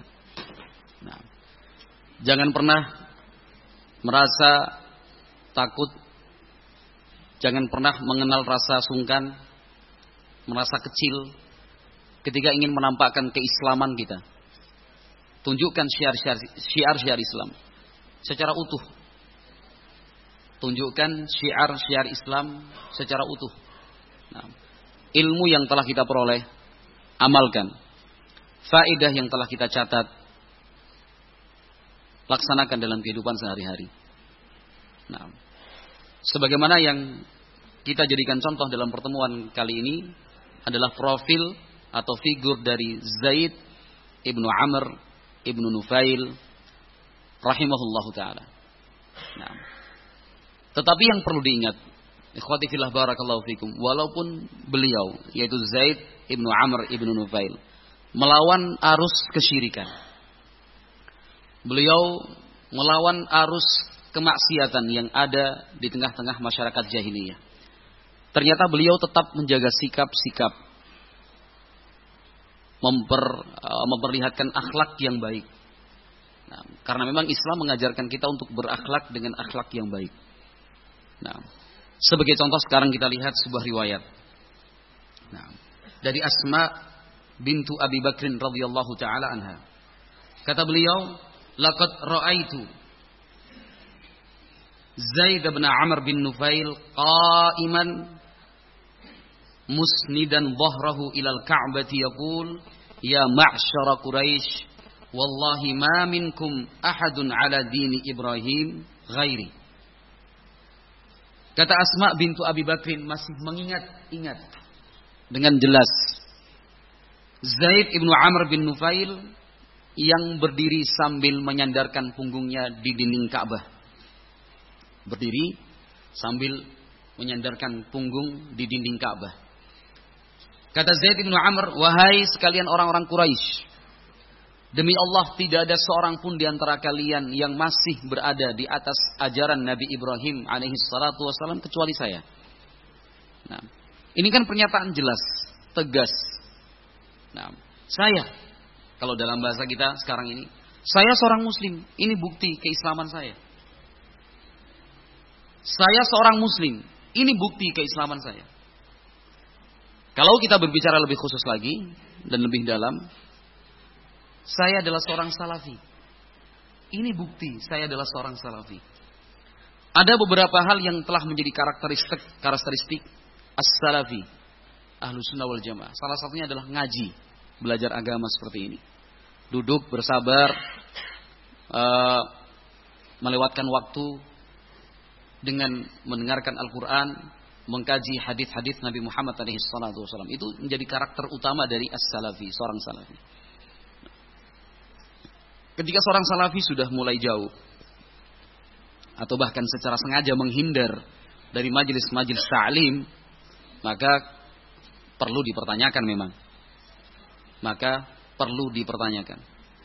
Ketika ia menganggap bahwa hadir di majelis ta'lim adalah beban berat yang menyusahkan, ini juga perlu dipertanyakan. Sebab pada hakikatnya menghadiri majelis-majelis ta'lim semacam ini, mengkaji Al-Quran dan sunnah Nabi alaihi salatu wasallam itu meringankan beban pikiran kita. Kita akan mendapatkan sekian banyak jawaban dari pertanyaan yang mungkin mengganjal di hati selama ini. Dengan belajar menghadiri majelis ta'lim semacam ini, kita akan menemukan sekian banyak solusi dan jalan keluar dari sekian banyak masalah dan problem yang kita alami selama ini. Dan memang seperti itu nyatanya. Nah, dan memang seperti itu nyatanya. Lihatlah Zaid bin Amr bin Nufail tanpa mengenal rasa takut tidak sungkan. Nah, tidak pekewuh dalam bahasa Jawa. Tidak pekewuh sama sekali. Menyampaikan dengan lantang, menyatakan komitmennya. Di hadapan sekian banyak orang-orang Quraisy, seorang diri. Zaid ibnu Amr bin Nufail seorang diri berani menyatakan, "Ya ma'syara Quraisy, wallahi ma minkum ahadun ala dini Ibrahim ghairi." Ini pernyataan yang berani dari seseorang yang berani juga. Tirulah keberanian Zaid bin Amr bin Nufail. Wahai masyarakat Quraisy, orang-orang Quraisy seluruhnya. Tidak ada seorang pun di antara kalian yang masih berada di atas ajaran Nabi Ibrahim alaihi salatu wasallam kecuali saya. Pernyataan ini bukan berdasarkan kesombongan, bukan karena takabur, bukan karena tinggi hati atau menganggap kecil orang lain, bukan. Tapi pernyataan yang disampaikan oleh Zaid bin Amr bin Nufail rahimahullah adalah sebuah pernyataan penting yang beliau menilai sangat wajib untuk disampaikan kepada umat. Saat itu kepada kaum Quraisy menyadarkan mereka, wahai orang-orang Quraisy, kalian yang mengaku-ngaku sebagai pengikut agama Nabi Ibrahim alaihi salatu wasallam sesungguhnya sudah melenceng jauh dari ajaran Ibrahim. Yang benar-benar sesuai ajaran Ibrahim saya. Contohlah saya, ini. Nah, beliau ingin menyadarkan orang-orang Quraisy, ayo sama-sama bertaubat. Mari betul-betul kita gali ajaran Nabi Ibrahim alaihi salatu wasallam sebagaimana yang beliau ajarkan. Nah, kita pun demikian ikhwati fillah yang dimuliakan dan dirahmati Allah azza wajalla. Jangan pernah merasa takut, sungkan, pekewuh untuk menyatakan saya seorang muslim. Saya itu seorang salafi. Tampakkan keislaman kita, tampakkan kesalafiahan kita. Nah, tidak usah takut-takut, tidak usah malu-malu. Mas dari kelompok mana? Ya dari umat Islam jawabannya. Bilang saja salafi. Nah, oh salafi yang keras itu. Siapa bilang keras? Coba lihat wajah saya lembutkan pak. Kan begitu. Oh salafi yang katanya wahabi itu. Oh keliru pak. Salafi itu sudah ada sebelum ada istilah wahabi muncul. Kan akhirnya kita bisa menjelaskan. Meluruskan yang bengkok. Menjelaskan mana yang benar dari yang salah. Tapi kalau kemudian kita tertutup takut, sungkan untuk menyebut saya salafi. Hmm. Nah, mungkin di lingkungan kerja kita, di kantor kita, di tengah-tengah masyarakat kita. Jangan sungkan, jangan takut untuk kemudian saya ingin salat berjamaah sekarang, azan sudah tiba.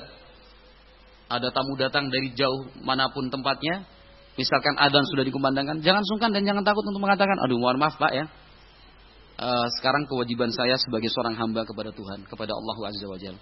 Itu panggilan dari Allah tadi sudah terdengar.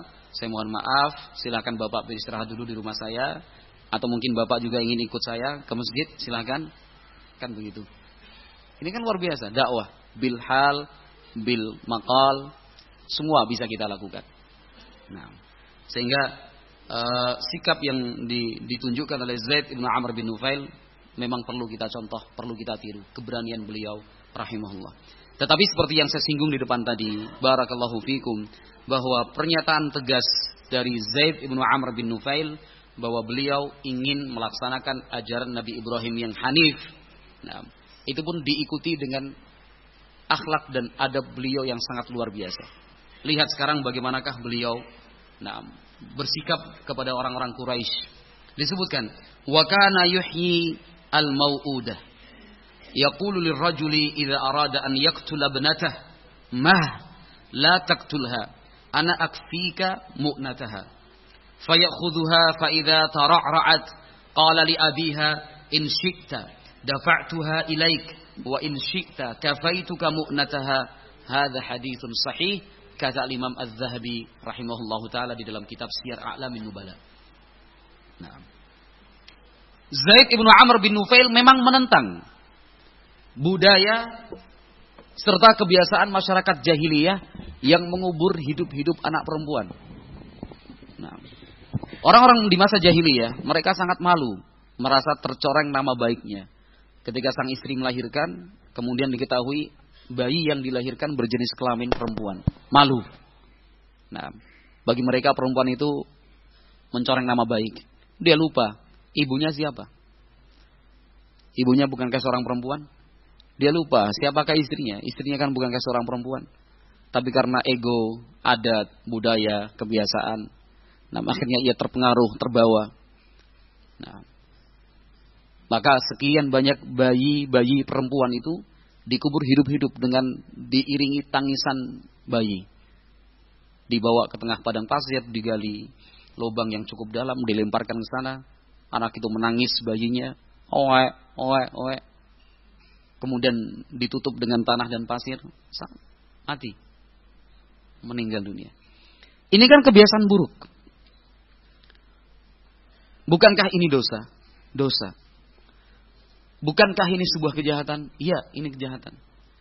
Bukankah ini sebuah maksiat? Jelas ini maksiat. Durhaka kepada Allah Subhanahu wa taala. Yang seperti ini ditentang oleh Zaid ibn Amr bin Nufail rahimahullah. Betul-betul ditentang. Tetapi lihat sikap beliau. Wa kana yuhyil mau'udah.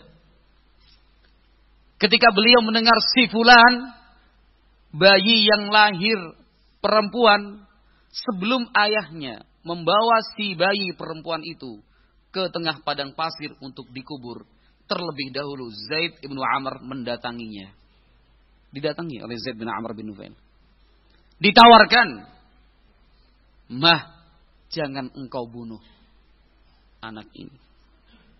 Saya yang akan merawatnya. Maka jadilah Zaid bin Amr itu sebagai orang yang dikenal merawat bayi-bayi perempuan. Nah, anak-anak kecil yang berjenis berjenis kelamin perempuan itu banyak sekali di rumahnya. Rahimahullahu taala. La taqtulha fa an kamu nataha. Kata Zaid ibnu Amr jangan dibunuh. Biarkan saya yang merawat. Nah, kalau misalkan orang tuanya setuju diambil. Setelah diserahkan diambil, dirawat. Ketika sudah mulai beranjak dewasa menjadi seorang gadis, kan baru terasa manfaatnya. Nah, seorang wanita itu luar biasa. Nah, kekuatannya, kesabarannya, subhanallah, kadang-kadang mengalahkan kesabaran seorang laki-laki. Kadang-kadang kekuatan seorang wanita itu mengalahkan kekuatan seorang laki-laki. Sebesar badan apa pun, berotot, bisa ngangkat beban barbel sampai 120 kilo dalam satu angkatan. Nah, jago, apa namanya? Lifter namanya ya. Lifter apa filter? Hmm? Apa namanya? Lifter ya. Lifter nomor satu di dunia pun suruh menggendong anak dua hari dua malam belum tentu kuat. Betul nggak? Betul lah, bilang betul. Seorang iya, seorang lifter sekuat apa pun 120 kilo satu kali angkatan. Buk, begini. Coba dia suruh menggendong sambil anaknya menangis. Itu sudah bingung tuh istri gua mana nih? Gitu, bu, bu, ini anak lo nih. Subhanallah. Itu kan bukti bahwasanya kadang-kadang wanita itu lebih kuat daripada laki-laki. Maka jangan meremehkan perempuan. Bersikap lembutlah kepada istrimu, berbaktilah selalu kepada ibumu. Nah, sayangilah putri-putrimu. Karena dalam beberapa kesempatan, dalam beberapa hal mereka jauh lebih baik daripada kita. Dalam beberapa hal. Itu salah satu contohnya tadi. Badannya gede, tato ini dan itu. Aduh, suruh ngangkat beban bayi yang cuma 5 kilo, 6 kilo. Wah, berat. Sambil menangis loh. Ini, itu. Wah, diem, diem, diem. Gak bisa tuh dia nemenin anaknya. Coba sampai ke ibunya. Santai. Kenapa? Ibunya menggendong dengan cinta. Suaminya menggendong dengan terpaksa. Malam hari no, oe, oe, oe. di atas ranjang suami istri di tengahnya, di tengah-tengahnya di antara keduanya bayi kecil. Oe, oe. Suaminya tuh bangun sebenarnya, cuma pura-pura nggak denger. Tersinggung ya? Eh. Gitu. Saya sering merasakannya itu. Daripada nuduh orang kan ya. Nih nih nih contohnya. Anak nangis tengah malam, kita udah bangun sebenarnya. Bahkan mungkin kita yang duluan pertama kali bangun karena kita yang paling merasa terganggu. Nah, nih, udah bangun duluan pura-pura nggak denger tuh. Pikirannya biar istri gua aja yang ngurusin gitu. Nanti kalau istrinya udah bangun penuh dengan cinta dan kasih sayang, ternyata pipis, dibersihin, paskan lagi popok segala macam baru oh, anaknya nangis dong. Ya salam, pandai bersandiwara. Nah, itu wanita. Nantilah kapan-kapan kita berbicara tentang wanita. Sekarang kan hati yang sejuk, apakah mimpi? Kan begitu. Nah, nah setelah si bayi perempuan tadi itu beranjak dewasa, menjadi seorang gadis, artinya manfaatnya sudah bisa. Saya kira suara dua.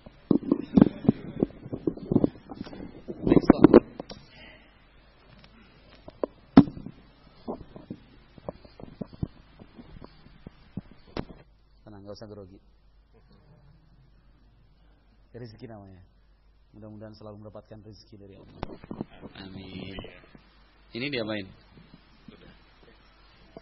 Gak usah.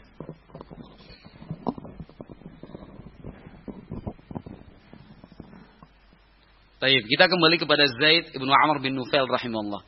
Nah, bayi-bayi perempuan yang akan dibunuh oleh orang tuanya tadi, dikubur hidup-hidup, itu kemudian diambil, dirawat oleh Zaid bin Amr. Sampai kemudian beranjak dewasa, gadis, sudah kelihatan apa namanya fungsi, peran dan manfaatnya.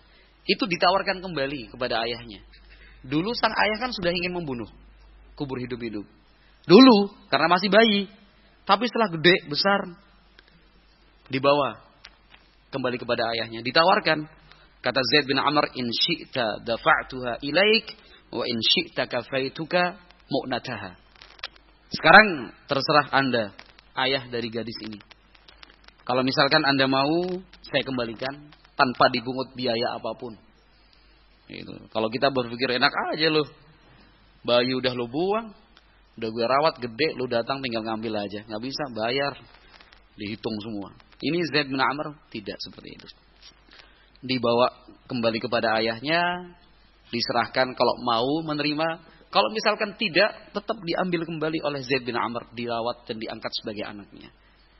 Nah, artinya, ikhwatifillah barakallahu fikum. Beliau memang melawan arus. Iya kan? Kebiasaan orang yang mengubur hidup-hidup anak perempuannya itu dilawan oleh beliau.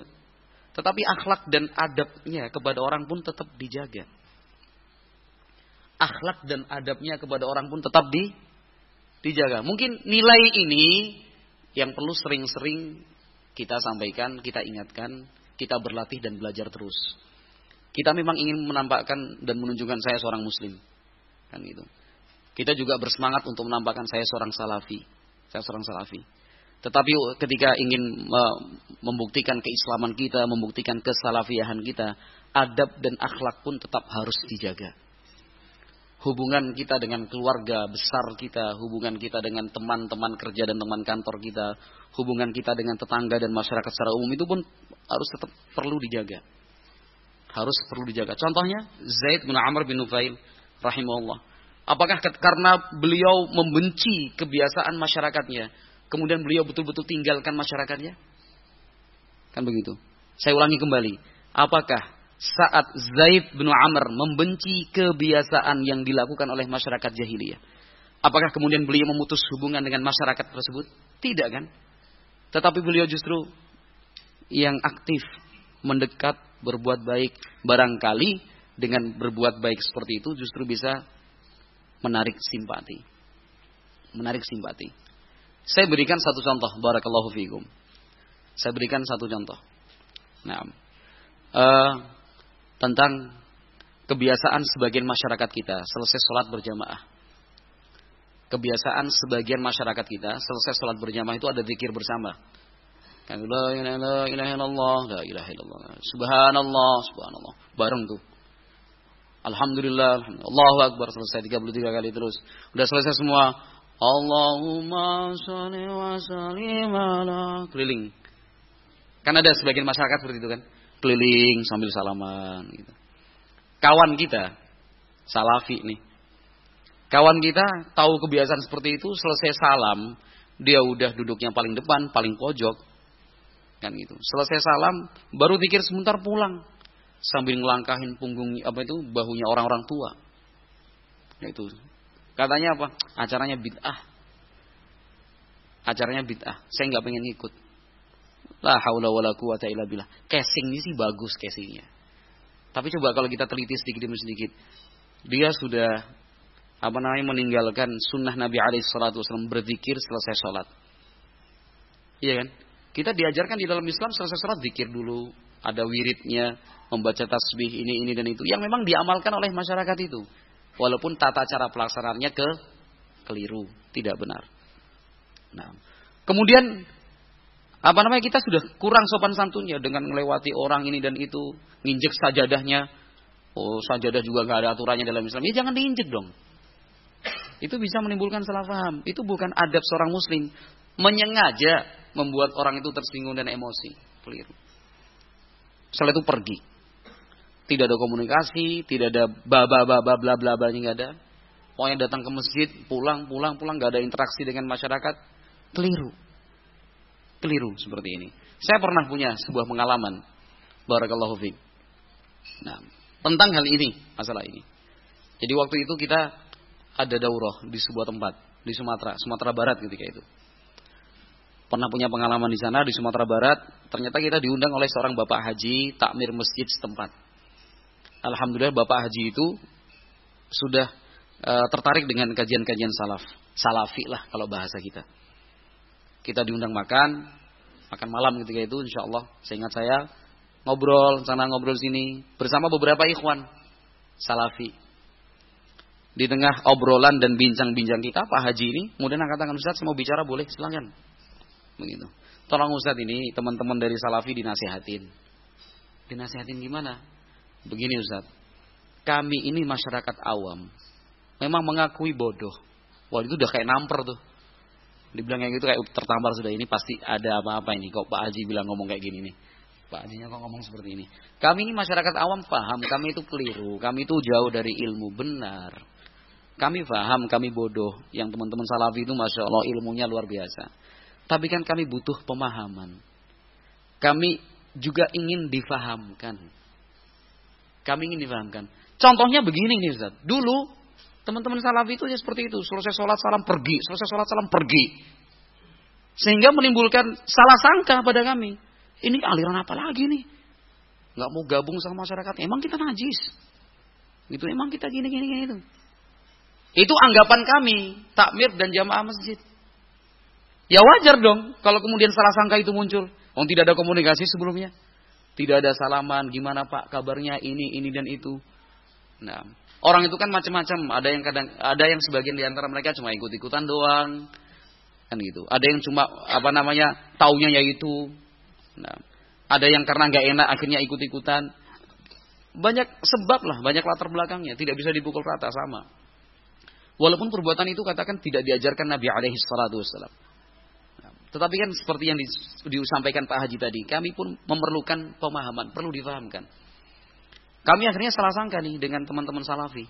Kami anggap begini aliran sesat, aliran baru, wah segala macam. Tapi ketika itu saya yang berinisiatif. Karena saya penasaran kok gini sih orang-orang ini. Saya berinisiatif sendiri, saya temui satu dua di antara mereka.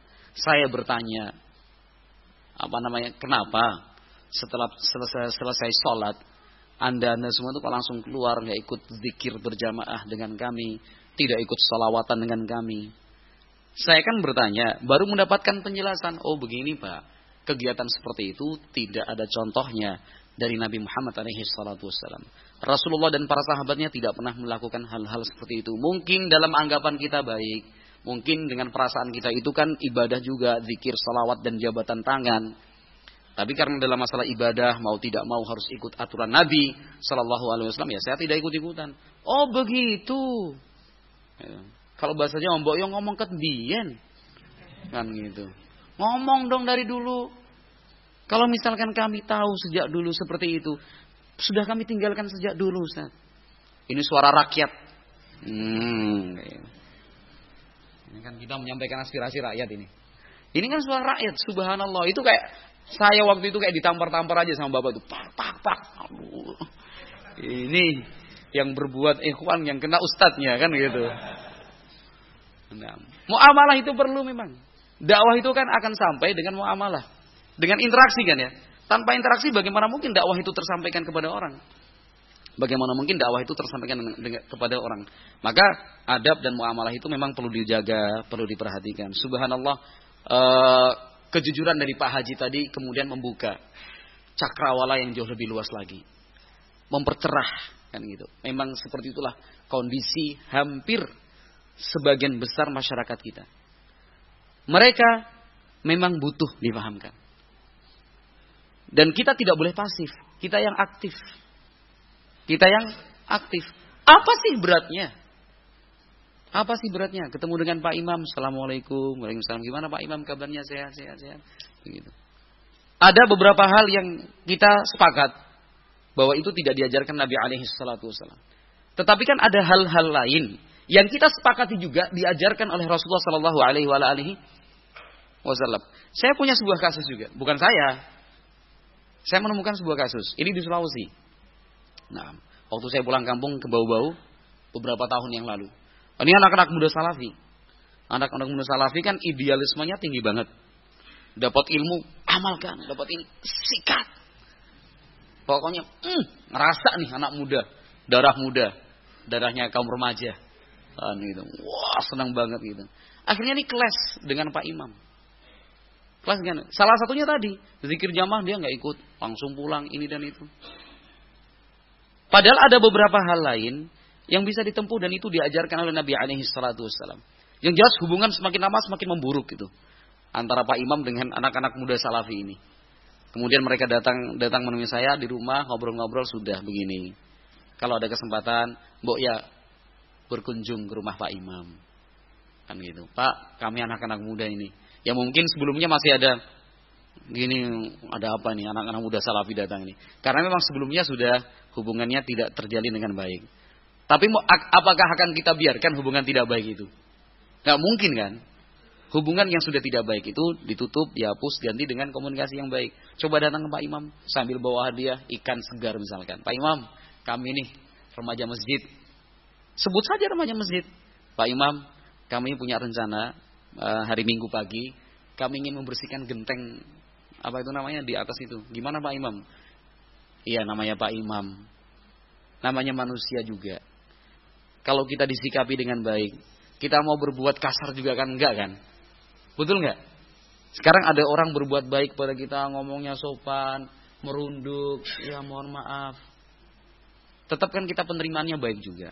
Ketika anak-anak muda dari gimana Pak Imam, kami udah siap untuk apa membersihkan masjid, ngepel itu, minta izin lah. Didukung oleh Pak Imam. Bahkan Pak Imam kemudian mengumumkan kepada masyarakat kegiatan besok ada ini anak-anak muda, set, masya Allah, begitu.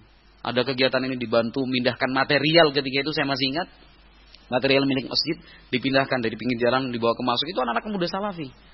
Akhirnya subhanallah akhirnya ada ada permakluman dari Bapak Imam dengan sikap anak-anak muda itu yang semula membeku menjadi cair yang semula padat akhirnya mengalir. Kan gitu. Ini kan contoh akhlak bermuamalah. Subhanallah sangat sangat sangat naam barakallahu fik kita perlukan sekali. Termasuk sebagai contoh dalam pembicaraan kita siang hari ini sikap dari Zaid ibnu Amr bin Nufail. Meskipun beliau membenci kebiasaan masyarakat itu, tetapi beliau tidak membiarkannya. Beliau justru masuk dari dari dari sisi dari celah yang nantinya akan memberikan dampak baik dan positif. Anak-anak e, bayi-bayi perempuan tadi, barakallahu fikum bayi-bayi perempuan tadi yang kemudian di apa namanya akan dikubur hidup-hidup, itu ditampung oleh beliau. Rahimahullahu taala dirawat, dibesarkan, setelah besar ditawarkan kembali kepada saya, mau diterima enggak? Kalau enggak saya rawat lagi. Nah, dan rata-rata mau menerima. Rata-rata mau menerima. Justru yang seperti ini akhirnya beliau pun semakin dihormati oleh orang-orang Quraisy. Semakin dihormati oleh orang-orang Quraisy. Walaupun orang-orang Quraisy sadar sikap Zaid bin Amr bin Nufail itu berbeda dengan sikap mereka. Walaupun orang-orang Quraisy mengerti bahwa keyakinan dan akidah Zaid bin Amr bin Nufail itu bertolak belakang dengan akidah dan keyakinan mereka, tetapi tetap mereka memuliakan dan menghormati Zaid bin Amr bin Nufail rahimahullah. Diberikan kebebasan untuk menyampaikan keyakinannya, artinya tidak diganggu. Ini hasil dari muamalah dan adab serta akhlak yang baik. Nah, saya bisa memberikan gambaran dan itu memang gambaran nyata dalam kehidupan kita sehari-hari sebagai salafiyin. Gambaran kita sehari-hari dalam kehidupan sebagai salafiyin. Nah, ajaran-ajaran Nabi alaihi salatu wasalam di dalam beramalah itu sudah lengkap. Tidak ada kurang sedikit pun. Semuanya utuh, tidak ada celah kosong, tidak ada retaknya pun tidak, apalagi celah. Retak saja itu tidak. Putih, bersih, sempurna. Di dalam bermuamalah. Nah, kita sekarang sedang bermuamalah dengan siapa? Dengan orang-orang yang pada umumnya sama sekali tidak mengerti bahwa mereka itu ada di dalam kesalahan. Kita rata-rata bermuamalah dengan orang orang-orang yang tidak mengerti bahwa jalan yang benar itu ini. Al-Quran, Sunnah dengan pemahaman As-Salafus Saleh. Nah, maka kita perlu menyampaikan dakwah ini kepada mereka.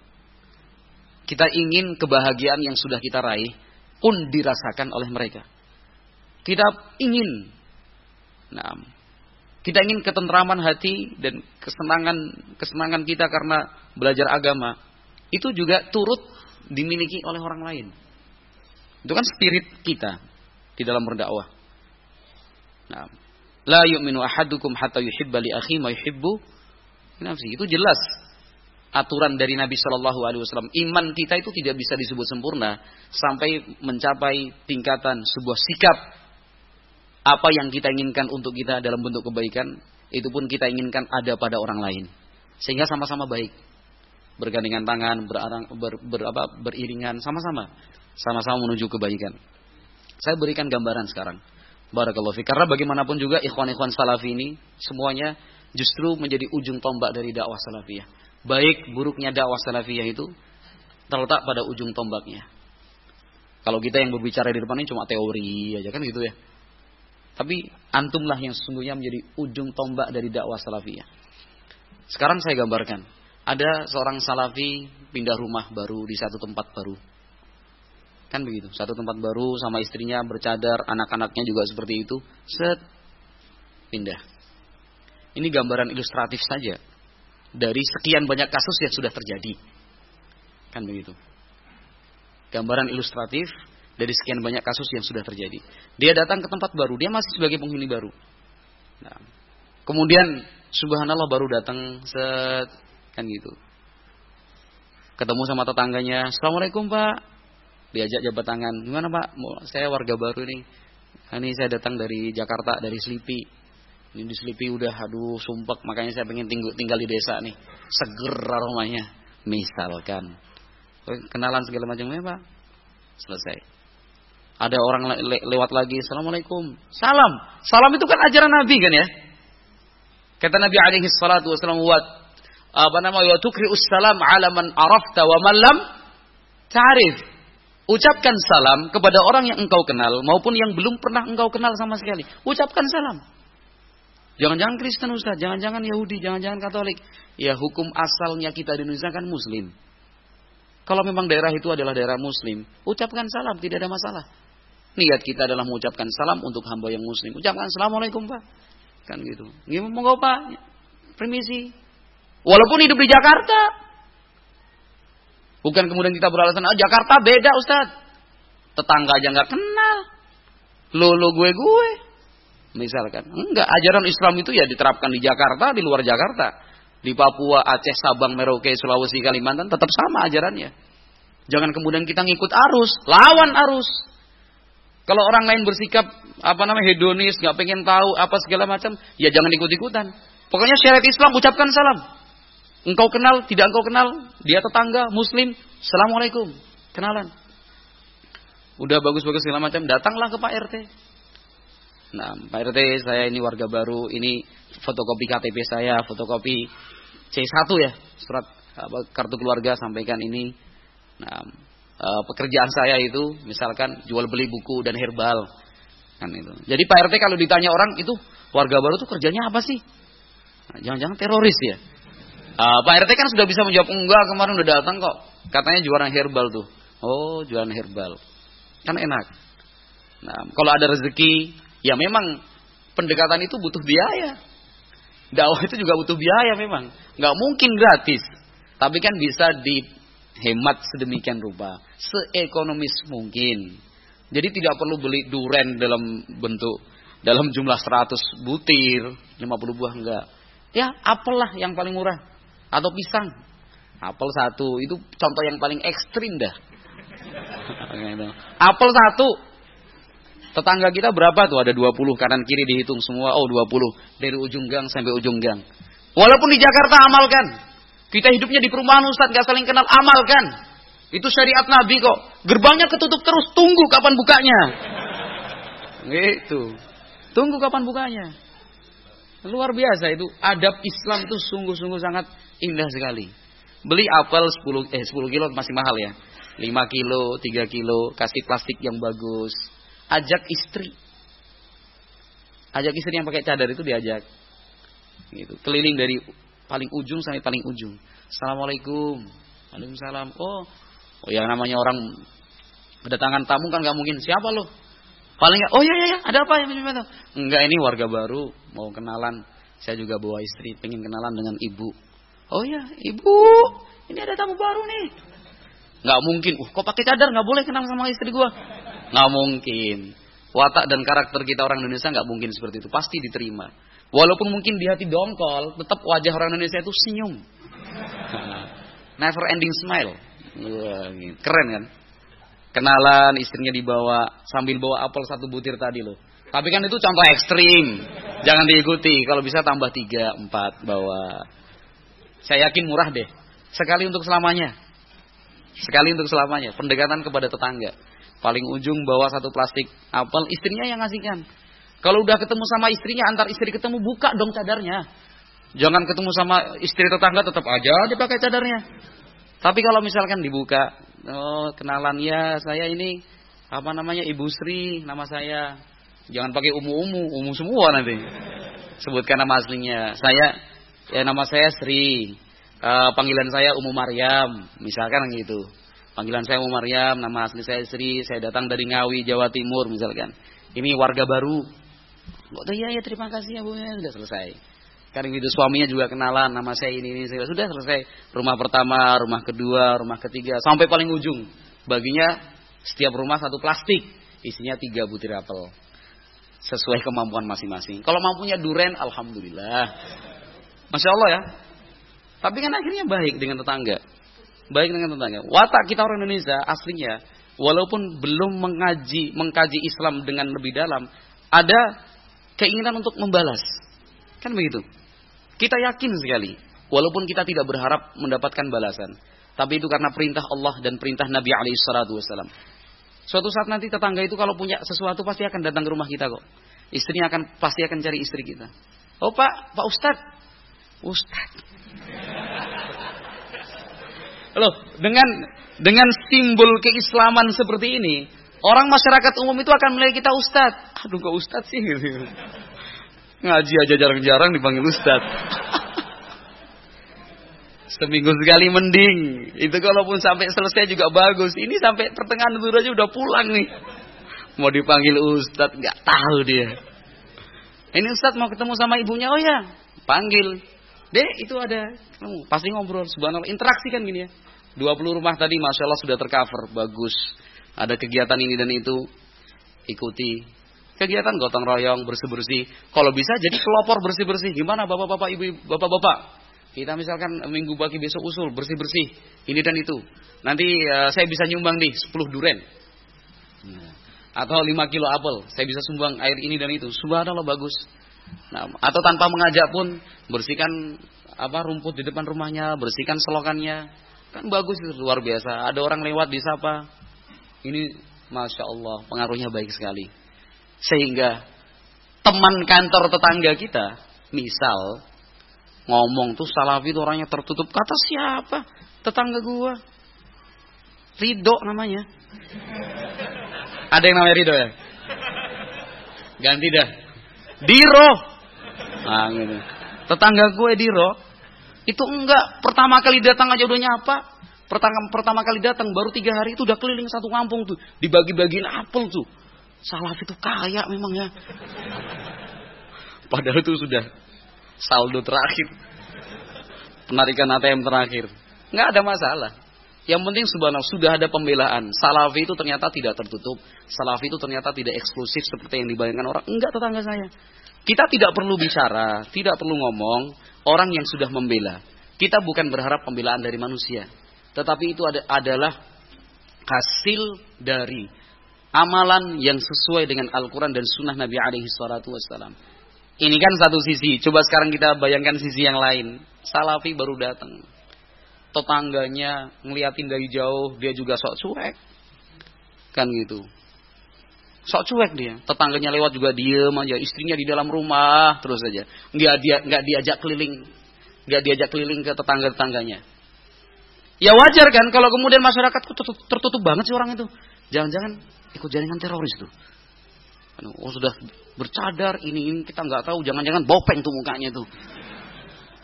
Tapi kalau dalam contoh pertama tadi setelah dia buka cadarnya masya Allah ya, akhwat-akhwat salafi itu manis-manis banget ya. Karena jarang terpapar sinar ultraviolet. Ya, gitu. Jadi kulitnya itu muda terus. Subhanallah. Tapi kalau misalkan tertutup, kesannya buruk. Kesannya akan selalu negatif. Kalau teman kantor tetangganya bilang salafi itu tertutup bener tetangga juga gitu kayak gitu salafi itu katanya. La haula wala quwata illa. Akhirnya dampak baik dan buruknya itu yang menjadi sebab siapa? Kita. Yang menjadi sebab siapa? Kita. Ada beberapa kegiatan di tengah-tengah masyarakat yang mungkin tidak sesuai dengan Al-Quran dan Sunnah Nabi alaihi salatu Jangan diem. Sampaikan. Jangan diem. Sampaikan. Pertama kali datang, temui Pak RT. Cukup Pak RT, tidak perlu woro-woro diumumkan seluruh kampung. Saya tidak ikut acara tahlilan. Tidak perlu. Saya tidak mau diundang kalau ada acara yasinan. Enggak. Temui Pak RT selaku orang tua dan apa uh, pemerintah yang paling paling uh, paling dekat dengan kita di sana. Sampaikan kepada Pak RT dengan bahasa yang sopan. Jangan kesankan menggurui Pak RT. Tetapi sampaikan aspirasi sebagai warga, anak buah, anak dari Pak RT. Kita kan anak dari Pak RT. Kalau dalam, dalam tatanan bermasyarakat itu, sampaikan Pak RT, alhamdulillah saya bisa diterima di sini. Saya senang dan bahagia bisa menjadi warga dari Pak RT. Saya juga bersyukur. Kalimat-kalimat seperti itu yang disampaikan. Terus sudah mulai mukadimahnya selesai, senang ini ucapkan terima kasih dan segala macam. Barangkali nanti ada tindak tanduk saya yang keliru, yang salah, mohon saya ditegur karena saya terbuka. Kan itu kan baik ya kesannya. Dan mungkin saya juga harus berterus terang karena ini masalahnya keyakinan. Masalahnya keyakinan. Jadi ya masalah keyakinan lah Pak RT. Maksudnya apa Pak? Uh, saya itu punya keyakinan bahwa uh, saya tidak ikut saya tidak ikut acara tahlilan dan yang semisalnya. Jadi saya mohon misalkan nanti kalau ada acara tahlilan, ada acara yasinan, lalu saya tidak menghadiri, mohon dimaklumi. Ini masalah yang keyakinan. Kan gitu. Kalau sudah bicara masalah keyakinan, keyakinan kita akan dihormati. Kita akan dihormati itu sudah keyakinan Anda sebagai warga saya. Saya mohon maaf sekali. Untuk kegiatan-kegiatan yang lain saya berjanji aktif. Tapi kalau untuk acara seperti ini mohon maaf sekali Pak. Saya tidak bisa menghadiri. Jadi misalkan nanti saya tidak hadir, Tolong Bapak bisa sampaikan kepada tetangga dan warga seperti itu. Subhanallah luar biasa manfaatnya. Kalau misalkan ada acara tahlilan terus kita nggak hadir, itu Pak Mukhtar ke mana tuh kok nggak hadir? Nanti Pak RT yang jelasin, oh nggak usah dipikir kemarin udah datang ke rumah saya. Saya udah tahu kok alasannya. Udah udah nggak usah dipikirin. Sekarang kita acara sendiri aja. Tapi kalau misalkan dapat undangan ini, undangan itu, kita nggak pernah hadir tanpa ada kejelasan, tanpa ada informasi, pikiran tuh kesannya buruk.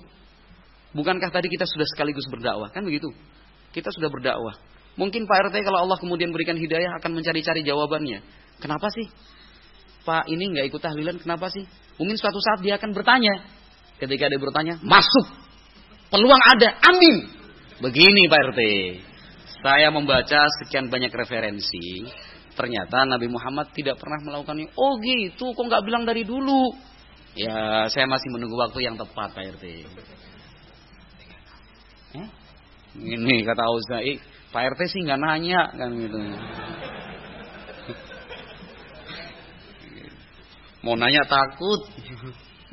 Nah, wallahu alam seperti itu ya. Barakallahu fikum. Jadi tetap uh, demikian. Nah. Ikhwati filah yang dimuliakan dan dirahmati Allah Subhanahu wa taala. Nah. Uh, Zaid ibnu Amr bin Nufail ternyata tidak seorang diri. Zaid ibnu Amr bin Nufail ternyata tidak seorang diri melawan arus kesyirikan, melawan arus uh, dosa dan maksiat yang ada di tengah-tengah masyarakat jahiliyah. Ternyata di sana ada juga selain Zaid bin Amr bin Nufail. Artinya faedah yang bisa kita ambil, kita tidak akan pernah seorang diri. Tidak ada istilah dan kamus hanya seorang diri memperjuangkan kebenaran itu tidak mungkin. Minimalnya dalam kelompok kecil seperti yang disabdakan Nabi alaihi salatu wasallam la tazalu ta'ifatum min um mati zahirina 'alal haqq la yadurruhum man khalafahum wala man khadalahum hatta ya'tiya amrullah. Ta'ifah tidak mungkin seorang diri, itu tidak mungkin. Sehingga kita harus tetap semangat. Istiqomah. Kita itu nggak seorang diri. Mungkin di perumahan itu kita seorang diri. Tapi ketika kita berkumpul seperti ini kan kelihatan Masya Allah ternyata kita tidak seorang diri. Masih banyak saudara-saudara kita yang satu visi, satu misi. Kembali kepada Al-Quran dan sunnah Nabi alaihi salatu wasallam dengan pemahaman as-salafu as-saleh. Maka sering-seringlah hadir. Sering-seringlah berkumpul. Sering-seringlah berziarah, silaturahim dengan ikhwan-ikhwan salafin yang lain. Jangan seorang diri, bawa keluarga ikut serta. Kenalkan dengan antar umahat. Nah, ajarkan akhlak dan adab yang baik kepada mereka dan seterusnya. Ternyata bukan hanya Zaid bin Amr bin Nufail, disebutkan di sana ada Warakah bin Naufal. Warakah bin bin Naufal. Demikian juga Uthman ibnul Huwairith ibnu Asad. Sepupu dari Warakah bin Naufal. Ada juga Ubaidullah ibnu Jahash ibnu Ri'ab Demikian juga Umaymah bintu Abdul Muttalib ibnu Hashim. Nah, beberapa nama ini adalah orang-orang yang satu visi dan satu misi. Tidak mengikuti kegiatan-kegiatan jahiliyah. Menyembah kepada patung dan berhala. Demikian juga kegiatan-kegiatan jahiliyah lainnya. Mereka sepakat untuk tidak melakukannya. Mereka sepakat untuk meninggalkannya. Orang-orang seperti ini. Nah, Disebutkan dalam beberapa riwayat nah, bahwa mereka pernah hadir di sebuah pertemuan. Orang-orang Quraisy ketika itu mengagungkan satu berhala besar. Mereka menyembelih hewan di sana untuk merayakan sebuah perayaan. Ketika mereka sudah berkumpul, orang-orang Quraisy semuanya lengkap. Nah, nama-nama yang saya sebutkan di depan tadi berkumpul satu dengan yang lainnya. Sambil berbisik, tasadaku wal yaktum ba'dukum ala ba'd. Kita harus jujur, harus terus terang antar kita saja, tetapi jangan disampaikan kepada orang lain. Khawatir nanti salah sangka ini ini dan itu. Ya. Faqala qailuhum. Kemudian salah satu di antara mereka tadi kemudian uh, menyampaikan, "Ta'lamunna wallahi ma qaumukum ala syai' laqad akhta'u dina Ibrahim wa khalafuhu." Wa ma wathanun yu'badu la yadur wa la yanfa li anfusikum. Orang-orang tadi yang saya sebutkan namanya yang sama-sama di atas fitrah mereka mengatakan kalian sama-sama tahu bahwa apa yang dilakukan oleh masyarakat kalian ini tidak ada bernilai apa pun. Nah mereka sudah menyalahi ajaran dan agama Nabi Ibrahim alaihi salatu wassalam Tidak ada satupun berhala yang disembah kemudian bisa memberikan manfaat dan madarat tidak ada. Makhluk dan benda mati. Oleh karena itu fabghu li anfusikum. Carilah ketenangan, carilah kebahagiaan sendiri-sendiri. Akhirnya mereka mencari kesekian banyak tempat seperti yang dilakukan oleh Zaid bin Amr bin Nufail hingga akhirnya beliau rahimahullahu taala meninggal dunia di atas ajaran yang hanif tanpa pernah melakukan satu bentuk kesyirikan pun. Beliau meninggal dunia sebelum Nabi Muhammad alaihi salatu wasallam diangkat sebagai seorang nabi, sebelum diangkat sebagai seorang rasul alaihi salatu wasallam. Apa yang diberitakan oleh Nabi alaihi salatu wasallam tentang Zaid bin Amr bin Nufail? Kata beliau dalam sebuah hadis dengan sanad yang hasan, "Innahu yub'atsu yaumal qiyamati ummatan wahdah." Hari kiamat nanti, Zaid ibnu Amr bin Nufail akan dibangkitkan sebagai satu umat tersendiri. Kita tahu bahwasanya antara umat Nabi Isa alaihi salatu wassalam setelahnya adalah umat Nabi Muhammad alaihi salatu wassalam. Tidak ada umat antara umat Isa dan umat uh, umat Muhammad alaihi salatu wassalam kecuali Zaid bin Amr bin Nufail. Seorang diri, seorang diri disebut oleh Nabi alaihi salatu wasallam sebagai sebuah umat. Balasan dari Allah Azza wa Jalla untuk beliau yang begitu gigih, tegar, kokoh, istiqomah, berada di atas al-haq, memperjuangkan kebenaran, tauhidullah, tidak melakukan kesyirikan, berusaha menghindar dan menjauhi kebiasaan-kebiasaan yang dilakukan oleh masyarakat jahiliyah. Balasannya seperti ini, dibangkitkan Allah pada hari kiamat sebagai sebuah umat tersendiri. Maka ikhwati filah yang dimuliakan dan dirahmati Allah Azza wa Jal, memang seharusnya kita meniru dan mencontoh. Nah, meniru dan mencontoh. Walaupun beliau bukan bagian dari umat Nabi Muhammad SAW, tetapi beliau adalah seorang muslim, seorang mukmin billahi azza wa Jal yang beribadah di atas fitrahnya. Yang beribadah di atas fitrahnya. Maka Ikhwati filah yang dimuliakan dan dirahmati Allah Azza wa Jal. Sekarang kembali kepada kita yang hidup di sebuah kota metropolitan ini. Dengan segala aktivitas padatnya. Berbagai macam kemaksiatan yang terjajah. Dan tersaji dalam setiap waktu dan setiap saatnya. Sesuatu yang tidak bisa kita pungkiri. Nah, demikian juga godaan serta rayuan dunia itu terus berdatangan. Kita yang berusaha menghindar, dunia terus mengejar kita yang sudah berusaha untuk sembunyi dari dunia, dunia tetap terus mencari kita. Nah, inginnya kita di, dirangkul, ingin dipeluk, ingin disesatkan dari jalan Allah Subhanahu wa taala. Aktivitas kita betul-betul padat, penat. Berpikir pun kadang-kadang di, dilandaskan dengan sikap emosional, tidak bisa objektif, serba ingin berpikir cepat, berpikir pendek, tidak mempertimbangkan hasil akhirnya seperti apa, tidak mempertimbangkan sisi-sisi yang lain, Nah, naudzubillah. Maka kita yang hidup di tengah-tengah kehidupan seperti ini, yang ada di tengah-tengah kehidupan seperti ini, sesering mungkin untuk menghadiri majelis-majelis ta'lim, mendengarkan ceramah-ceramah agama, karena di situlah letak dari letak dari kehidupan kita. Sumber kekuatan kita yang akan mendekatkan diri kita kepada Allah Azza wa Jal adalah Al-Quran, Sunnah Nabi alaihi salatu wasallam dengan pemahaman as-salafu as-salih. Sehingga hati yang sejuk, Hidup yang tentram itu bukan hanya mimpi saja. Bukan hanya sekedar mim, mimpi. Bukan sebatas mimpi. Bukan sebatas khayalan. Tetapi nyata dalam kehidupan kita sehari-hari. Semoga Allah Azza wa Jal memberikan taufik dan hidayahnya kepada kita agar tetap istiqomah di jalannya. Wallahu a'lam bishawab. Cukup sekian insya Allah.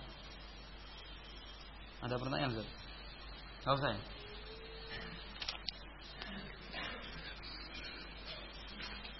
Banyak sekali. Taib, ada beberapa pertanyaan di sini. Yang pertama, bagaimana pendapat antum hukum orang yang menuntut ilmu takhasus tapi dengan niat hanya untuk diri pribadi dan tidak ada niat untuk berdakwah? Nah, Al-Imam Ahmad bin Hanbal rahimahullah ketika beliau ditanya tentang wujud keikhlasan di dalam belajar. Imam Ahmad bin Hanbal rahimahullah pernah ditanya tentang wujud dan bentuk ikhlas di dalam belajar itu seperti apa. Beliau menjawab, "Antatlubal ilma litarfa'a ankal jahla wa tarfa'a an ghairik." Kurang lebih seperti itu. Jawaban Imam Ahmad, bentuk keikhlasan di dalam belajar itu, engkau berniat dengan belajar mengangkat kejahilan dari dirimu sendiri dan engkau meniatkan ingin mengangkat kejahilan dari orang lain. Nanti. Nah, itu bentuk dan wujud dari keikhlasan. Bentuk dan wujud dari keikhlasan seperti itu. Kita punya niat. Kita ingin mengangkat kejahilan, menghilangkan kejahilan dari diri sendiri. Tetapi jangan lupakan orang lain pun, orang lain pun perlu dan membutuhkan kita mendapatkan bantuan dari kita demi mengangkat kejahilan dari dirinya. Ini disebutkan oleh Al-Imam Muhammad bin Shalih Al-Utsaimin rahimahullah dalam kitabnya Kitabul Ilm. Maka kita yang ingin belajar, belajar ilmu umum, ilmu takhassus, nah, jangan kemudian menghapus kepentingan orang lain sehingga kemudian kita egois inginnya diri sendiri. Memang betul kita belajar itu untuk mengislah, memperbaiki diri sendiri, memperbaiki keluarga kita. Tetapi ingat ada juga hak orang lain yang harus ditunaikan. Ilmu itu ibarat harta. Ilmu itu ibarat harta harus dikeluarkan zakatnya. Harta itu kalau sudah mencapai nisab, mencapai haul dan yang semisalnya harus dikeluarkan zakatnya. Ilmu pun demikian. Ilmu yang sudah engkau dapatkan, ilmu yang sudah engkau pelajari, keluarkan zakatnya. Zakatnya seperti apa? Menyampaikan ilmu tersebut kepada orang orang lain. Kita sudah diajarkan sejak belajar dan kenal salafi. Kitab Al-Usulu Thalatha. Al-Usulu Thalatha. Bahwasanya ilmu, beramal, terus jazakallah khair. Kurang keras. Ber berdakwah. Menyampaikan kepada orang lain. Yang keempat baru ber sabar. Berdakwah itu poin ketiga. Ilmu, amalkan, dakwahkan. Nah, kalau kita merasa tidak mampu, berbuatlah semampunya. Kalau ternyata misalkan kita hanya bisa mengajarkan ikra, a, ba, ta, sa, ja, ha, so, itu yang diajarkan. Jangan pula kemudian kita paksakan diri. So alim. Baru selesai belajar tufah, kitab yang diajarkan Fathul Bari. Keren banget gitu. Ya sesuai dengan kadarnya. Tidak tafrid, juga tidak ifrat, tidak menutup diri, tetapi tidak terlalu memberanikan diri. Wallahu alam bisawab. Jadi seperti itu jawabannya. Apa nasihat untuk ikhwan yang orang tuanya belum mengenal dakwah tauhid dan bagaimana kiat-kiat menyampaikan dan meluluhkan hati orang tua untuk menerima dakwah? Nah, apakah diperbolehkan bagi kaum lelaki memakai cincin, bukan emas, bukan pelajimat? Pertanyaan kedua, boleh. Nah, boleh, boleh saja. Nah, kalau pertanyaan yang pertama tadi, uh, nasihat untuk ikhwan yang orang tuanya belum mengenal dakwah tauhid. Nah, uh, apa yang akan kita kita sampaikan kepada orang tua? Lihatlah terlebih dahulu pada diri kita. Nah, sebagian kita uh, terlalu cepat untuk mengambil kesimpulan. Sebagian kita kurang bersabar ketika menyampaikan dakwah. Bukan hanya kepada orang tua, kepada keluarga, seorang suami kepada istrinya, seorang istri kepada suaminya, orang tua kepada anaknya, sebaliknya. Pada pertanyaan yang disampaikan, anak kepada orang tua. Semua membutuhkan waktu. Semua harus berproses. Kita yang sudah mengenal dakwah salafiyah ini butuh sekian tahun kan untuk kemudian betul-betul menjadi seorang salafi. Kan begitu. Kita yang sudah mengenal dakwah salafiyah menjadi seorang salafi, sudah nyaman dengan dakwah salafiyah, Bukankah kita juga dulunya berproses? Bukankah kita dulunya berproses? Seperti itu juga orang tua dan keluarga kita. Mereka butuh proses. Mereka membutuhkan proses. Kalau kita misalkan yang mencari dan terus mencari saja atas kesadaran sendiri, baru sekian tahun mendapatkan dakwah salafiyah dan itu yang kita cari, apalagi orang tua yang tidak ada kesadaran dari diri sendiri. Menunggu, menunggu, menunggu dan menanti dari kita. Butuh proses lagi yang sekian lama. Istri pun demikian, kita udah ngaji, istri kita belum bercadar, masih pakai jilbab gaul, hijabers, misalkan. Misalkan kan itu. Sudah ini ini itu nggak bisa kegiatan apa PKK-nya arisan itu masih belum bisa. Wah, gue cerai lu. Butuh proses. Kita saja butuh proses untuk berubah. Apalagi mereka. Ini ini ini poin pertama yang harus kita punya. Ini poin pertama. Kenapa? Kalau kita sudah menyadari poin ini, kita akan bisa bersabar insya Allah. Tapi kalau kita egois, kita yang sudah salafi sekian waktu membutuhkan untuk jadi salafi, terus kita egois, Kamu harus jadi salafi dalam kurun waktu 3 bulan, 4 bulan, 5 bulan, 10 bulan. Gak bisa. Tidak bisa. Harus semuanya ber, berproses. Itu yang poin pertama. Poin kedua, dan cukup dua poin saja. Kalau 3, 4, 5 panjang nanti. Poin yang kedua, nah, kita harus bisa membuktikan secara nyata. Kita harus bisa membuktikan secara nyata bahwa setelah menjadi salafi, kita lebih baik di dalam menyampaikan bakti kepada orang tua. Jadi perubahannya itu harus kelihatan signifikan banget gitu. Jangan sampai setelah kenal salafi terus akhlak menurun. Jangan sampai setelah menjadi salafi akhlaknya menurun. Orang tua ya akhirnya pobi, takut, nggak mau ikut-ikutan kita. Tapi kalau misalkan akhlak kita masya Allah lebih baik, lebih bagus, yang dulunya dulunya jarang ngirim hadiah, sekarang tiap bulan sekali, tiap tanggal 7 dikirim sampai rumah tanggal 9 karena jarak waktunya cuma dua hari. Kiriman terus dari Ananda tercinta, dari Ananda yang selalu merindukan ibunda, dari Ananda yang tidak pernah berhenti untuk mendoakan ibunda, mendoakan ayahanda. Kan meluluhkan hati. Praktik nyatanya, Bung. Buktikan, Bung. Bahwa setelah jadi salafi kita lebih baik. Tunjukkan dengan amal nyata. Orang tua lebih tersentuh dengan amal nyata dibandingkan kita berkata-kata melalui verbal langsung. Bu, salafi itu yang paling benar. Susah. Kalau kita ingin menyampaikan salafi yang paling benar, Bu, susah. Enggak, nak. Kata siapa? Tapi kalau dengan sikap nyata, asli, hmm, telepon, SMS, dalam bentuk doa. Nah, misalkan sebelum subuh, bangunnya udah terlambat, tetap sempatkan SMS misalkan.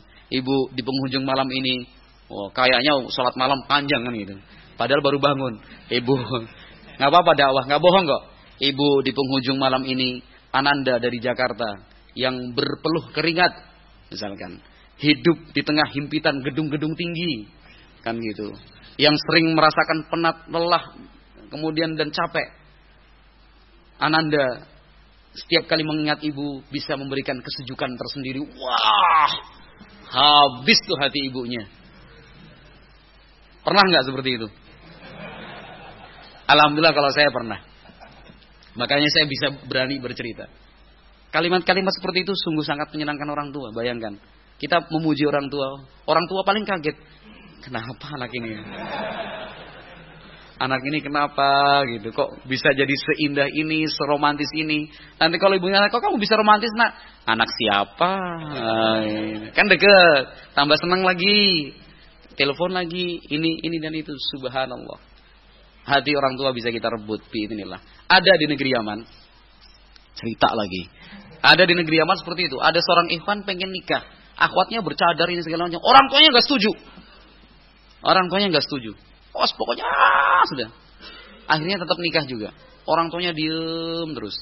Jadi bayangan orang tua, wanita bercadar itu kumuh, apa nggak tahu apa-apa gitu, jumut, kaku, besok itu kan bayangan sebagian orang. Sudah sekian lama ini dan itu, akhirnya orang tuanya ini ada sebuah keperluan ke Hadramaut. Jadi anaknya itu waktu itu bukan dari Hadramaut, dia pindah karena tugas kerja di sana, istrinya dibawa tinggal di sana. Ada kabar orang tuanya pengen ketemu, rindu kan. Pesen sekali itu ikhwan kepada istrinya, kamu harus benar-benar melayani orang tua. Ini kesempatan emas. Jangan sia-siakan. Jadikan mereka raja dan ratu. Semua disiapin luar biasa. Ini bagus. Orang tuanya datang disambut. Begitu. Disambut dengan sopan santun, dengan kelembutan, apa pun dilayani segala macam. Pulang selesai kan dapat pelayanan bagus ya. Kesan positif itu ada nyata. Itu pulang bapaknya telepon sama si anaknya. Kalau bahasa kita, "Nak, kalau istrimu seperti itu nikah lagi lah nambah satu." Pengen Mau. Ini kita nyata, betul. Yang cerita adalah Syekhuna, Syekhuna Uthman As-Salimi. Ini yang cerita. Cerita nyata. Kenapa orang tua sudah terebut hatinya? Itu, oh ternyata wanita bercadar salafi itu seperti ini. Kalau kayak seperti itu, pikiran orang tua menantu gua nambah satu, satu kayak gitu nggak apa-apa. Senang tuh orang tua. Subhanallah. Itu kan kiat untuk merebut hati orang tua. Ini enggak salafi. Baru kenal salafi, nyampaikan orang tua, Pak, TV haram pak, buang aja. Gambar-gambar apa ini lukisan-lukisan? Buang aja dah. Apalagi kalau tanpa ketahuan orang tua, orang tuanya datang, mana TV-nya nih? Udah gua buang pak, haram. Nah, itu contoh kemudian akhirnya menimbulkan dampak uh, kesan yang negatif tentang dakwah salafiyah. Jadi itu poin pertama ya. Poin pertama ingat bahwa semua itu membutuhkan waktu, waktu berproses. Dengan meyakini satu uh, poin pertama ini akhirnya kita akan bersabar insya Allah. Bersabar tidak pernah mengenal putus asa, tidak pantang menyerah. Terus dakwah itu disampaikan. Yang kedua, dakwah itu kepada orang tua yang terbaik juga kepada keluarga istri atau suami atau anak-anak. Yang paling terbaik itu adalah dengan praktek nyata. Kalau kita bisa membuktikan bahwa setelah kenal salafi kita menjadi lebih baik akhlaknya, itu pasti orang tua kamu kok seperti itu nak, ya ngaji salafi diselipi, gitu. Sebulan sekali nak, enggak, seminggu sekali kalau bisa tiga kali sepekan lah, biar kamu lebih baik lagi dari ini. Insyaallah. Mohon nasihat antum mengenai ikhwan yang ingin bekerja di Saudi Arabia. Kerja apa di sana? Nah, kerja di Saudi. Aduh. Mau cerita susah. Tapi ditanya. Jadi kemarin sebelum apa namanya? Sebelum pulang ke Indonesia, ada Allah beri kesempatan kurang lebih 25 hari saya melaksanakan umroh di Madinah tiga kali, eh, di Madinah dua kali, di Mekah seperti itu juga. Ya selama kurun waktu tersebut ada beberapa kali pertemuan yang Allah mudahkan antara saya dengan beberapa ikhwan salafi di sana. Bahkan dalam satu kesempatan Jumat pagi kedua ada tausiah. Ada tausiah yang yang Allah mudahkan di sana yang dihadiri lebih dari 60 orang. Salafi. Dari yang salafi lama, salafi baru, simpatisan gabung jadi 160.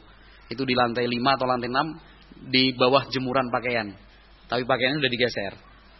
Karena nggak ada tempat. Sudah izin ke ke atasannya karena memang hari libur tausiah saya sampaikan. Kemudian beberapa kali pertemuan, ada beberapa kali rombongan datang ke penginapan saya. Ada juga kesempatan berkumpul dan bertemu dengan mereka di halaman Masjidil Haram sampai tengah malam jam 12 ketika itu sampai setengah satu ngobrol. Nah, mungkin karena dianggap saya ustadz, akhirnya mereka curhat. Kan gitu. Mereka curhat intinya keluh kesah mereka selama bekerja di Arab Saudi. Ternyata tidak seindah yang dibayangkan kalau broker-broker TKI itu kan ceritanya gini tuh. Wah, bisa haji, bisa umroh, belajar ke ulama langsung, gajinya gede. Wah, ini ini ini ini itu. Ini bayangin yang indah-indahnya. Tetapi berat dan perjuangannya itu ternyata tidak tersampaikan. Dia jelas dia cari tenaga kerja, nggak mungkin kan cerita yang jelek-jeleknya. Pasti yang diceritakan yang indah-indahnya. Walaupun yang diceritakan indah-indahnya itu ternyata tidak tidak senyatanya Kan begitu, tidak senyatanya. Dibilang gaji gede, iya gaji gede kalau dibandingkan dengan UMR di Indonesia. Tapi kalau dibandingkan dengan gaji orang sana ya kecil, rendah. 1200 real. Cuma 5 juta. Cuma. Iya 5 juta kalau Indonesia memang tinggi. Tapi 5 juta di Arab Saudi. Seminggu habis. Atau bahkan 3 hari 4 tadi sudah selesai 1500 real itu. Kan begitu. Jadi jangan bayangin kalau kerja di sana itu gajinya gede, gajinya gede, gajinya gede. Pengakuan dari orang-orang tadi, ikhwan-ikhwan salafi yang saya sudah kenal sebelumnya di Indonesia. Mereka bilang kami di sini gersang dan kering Ustaz, nggak ada taklim. Kan ada ulama, ulama belajar berangkat aja nggak tahu bahasa Arab mau belajar sama ulama gimana? Bener nggak? Nggak mungkin kan dengerin lihat ulama terus gini nggak paham. Kan nggak mungkin. Seperti itu. Nah, jadi jangan dibangin yang indah-indahnya. Pekerjaannya berat ini bukan cerita saya. Bukan cerita saya. Bukan kemudian saya bilang, oh nggak boleh kerja di Saudi. Enggak. Fikirkan maslahat dan mawaratnya. Manakah yang lebih baik? Manakah yang lebih baik? Di sini, di negeri sendiri, ataukah ke negeri orang lain? Berat mereka merasakan. Berat sekali mereka merasakan. Berangkat pagi, pulang petang. Pekerjaannya, pekerjaan-pekerjaan yang berat karena proyek perluasan. Jadi pekerja bangunan Nah, kalau Anda seorang insinyur atau segala macam mungkin kehidupannya lebih layak. Tapi kalau bekerja sebagai buruh bangunan berat. Berat sekali. Ingin belajar gimana dari pagi sampai sore bekerja, sudah habis tenaganya. Mau ngikuti majelis taklim atau majelis ulama yang ada di Masjidil Haram sudah nggak mungkin. Capek pengennya pulang ke rumah, pengennya tidur. Di asrama Jangan dibayangkan semuanya salafi. Saya sendiri pernah sampai ke asrama mereka. Itu tadi di mesnya mereka. Naik dari lantai satu jalan kaki. Lewat tangga tuh. Ngos-ngosan juga. Sampai paling tinggi. Saya diajak oleh teman-teman. Ini Ustadz kamar-kamar kami. Ini kamar mandinya. Ini dapurnya. Ini semua ditunjukkan sama mereka. Ini gudangnya. Yang tinggal di sana bukan salafi semua.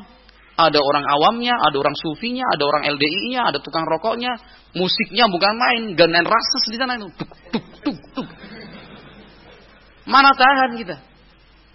Kan begitu. Sementara aturan kamar itu bukan kita yang menentukan, perusahaan yang menentukan. Ini kan sudah apa? Lingkungannya sudah tidak baik untuk agama kita. Lingkungan sudah tidak. Jangan dibayangkan semuanya salafi. Seperti yang disebut broker-brokernya itu jangan. Jangan percaya. Ini cerita nyata. Kalau perlu berangkat dulu, sudah lihat, kemudian baru daftar jadi TKI. Tapi itu pengalaman. Pengalaman yang berbicara. Akibatnya apa? Sebagian teman-teman kita yang pengen istiqomah, betul-betul istiqomah, mereka rela untuk iuran, keluar duit dari kocek sendiri. Mereka urunan untuk menyewa kontrakan di luar mes yang disediakan perusahaan. Alhamdulillah, saya sudah pernah sampai kontrakan mereka. Jadi saya ceritain berdasarkan data yang saya saksikan langsung. Saya diajak oleh teman-teman naik sampai seribu anak tangga itu ke atas bukit. Kota Mekah bisa kami saksikan seperti itu. Wah, sejuknya malam. Jam jam gadang itu, jam besar Mekah itu, itu bisa kami saksikan. Diundang makan malam sana. Mereka bercerita, kami sengaja pilih tempat ini Ustaz. Tempat ini kenapa? Murah.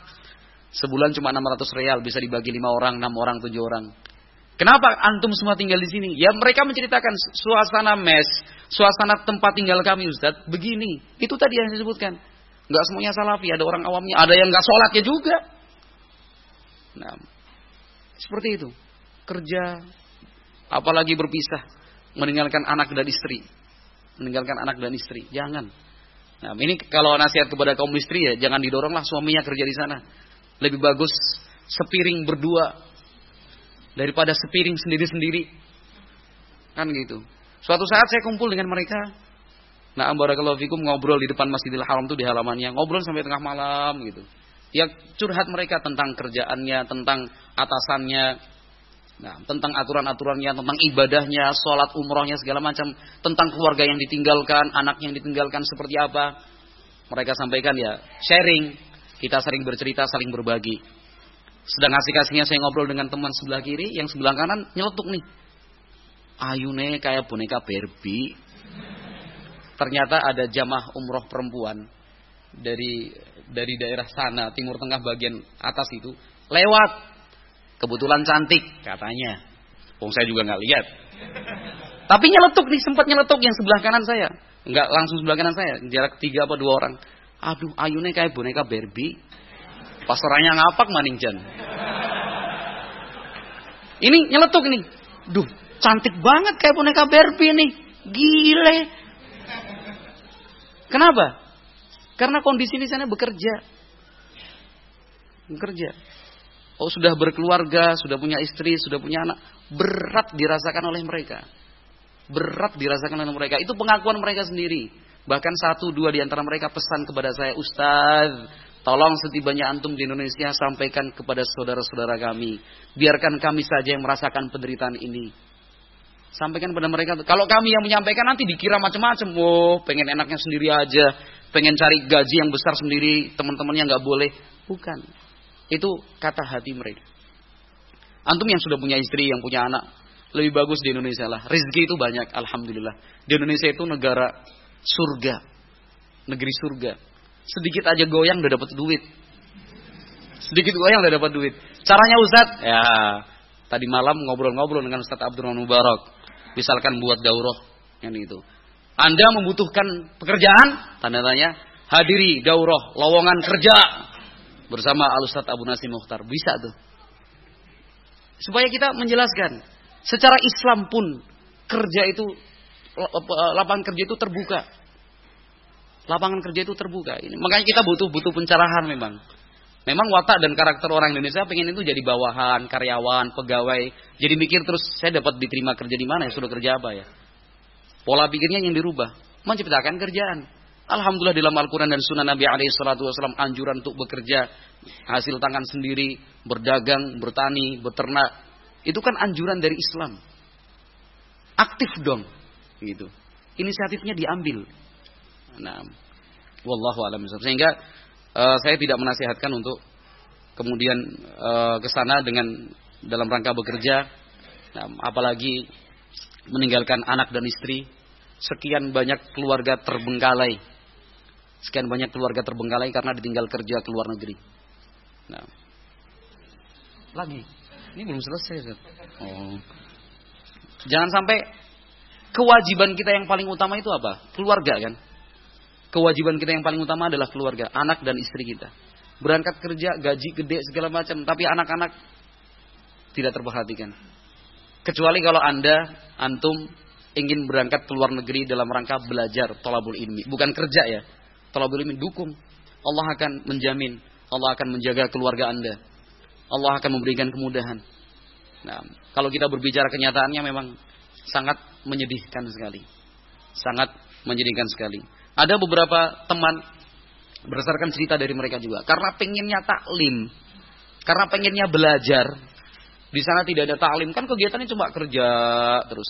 Nah di sana itu ada lembaga-lembaga khusus. Dari Jaliat namanya. Terjemahnya apa lihat itu. Lembaga apa? Bimbingan ya? Bimbingan dan penerangan. Itu memang resmi dari pemerintah Saudi. Tapi mohon maaf, ustaz-ustaz dan pembicaranya itu sururi, turati. Ada satu dua orang teman nekat, pokoknya saya pengen talim. Ngaji, pulang-pulang udah jadi sururi. Iya, menggandakan manhajnya akhirnya. Pengennya, oh kan Al-Qurannya sama, sunnahnya sama. Ini enggak lama-lama ke bawah ke bawah ke bawah pulang udah jadi sururi. Nauzubillah. Nah, jadi kalau kita misalkan tanya uh, alasan kita kerja di Saudi Arabia itu apa sih? Kalau masalah gaji, saya sudah jelaskan tadi. Disebut besar itu karena dibandingkan dengan penghasilan kita di Indonesia. Tapi kalau dibandingkan dengan UMR di Arab Saudi ya rendah banget. Dibandingkan kerjaan berat yang sehari-harinya harus kita lakukan. Kalau ingin belajar nggak mungkin kontraknya kerja kok. Pengen belajar. Di Indonesia saja males. Sok-sok sampai Indonesia Saudi pengen belajar. Mohon maaf ya agak keras dikit. Jangan tersinggung ya. Ya sesuai pertanyaan sih. Kan gitu. Mohon maaf. Gak sengaja. Kalau itu niatnya untuk belajar, buktikan dulu rajin belajar di Indonesia hadiri majelis taklim paling depan, hadir apa aktif di pondok-pondok pesantren, privat dengan beberapa ustadz. Ini baru belajar. Ini di Indonesia malas, jarang hadir taklim. Ngapain berangkat ke Saudi? Belajar. Masya Allah. Mulia sekali niatmu. Nah, mulia sekali niatmu. Nah, lebih baik istri dan anak-anak kita lah. Lebih baik dekat dengan istri dan anak. Berat loh pisah sama istri dan anak. Sampai berat jam berapa nih? Kayaknya udah dulu ya. Nanti kalau kalau habis ngambang dia. Jadi nggak ada kerinduan lagi ke Jakarta. Begitu insya Allah ya. Ya sama-sama maklum lah. Huh? Tadi katanya setengah dua. Hah? Apa-apa. Nawar dong. Insya Allah cukup seperti sampai seperti itu. Wallahu a'lam bishawab. Ya. Kalau ada beberapa pertanyaan tidak terjawab sengaja tidak menjawab. Karena menjawab itu lebih berat daripada menyampaikan. Kalau materi kan sudah persiapan berapa hari sebelumnya di print apa segala macam, dibaca, diulang, di murojaah. Tapi kalau pertanyaan nyelonong, aduh nggak tahu jawabannya. Aduh nggak tahu jawabannya. Aduh. Wallahu a'lam bishawab. Mudah-mudahan Allah berkahi dan semoga Allah mudahkan kita untuk bertemu pada kesempatan yang akan datang. Subhanakallahumma wa bihamdik asyhadu an la ilaha illa anta astaghfiruka wa atubu ilaik. Wassalamualaikum warahmatullahi wabarakatuh.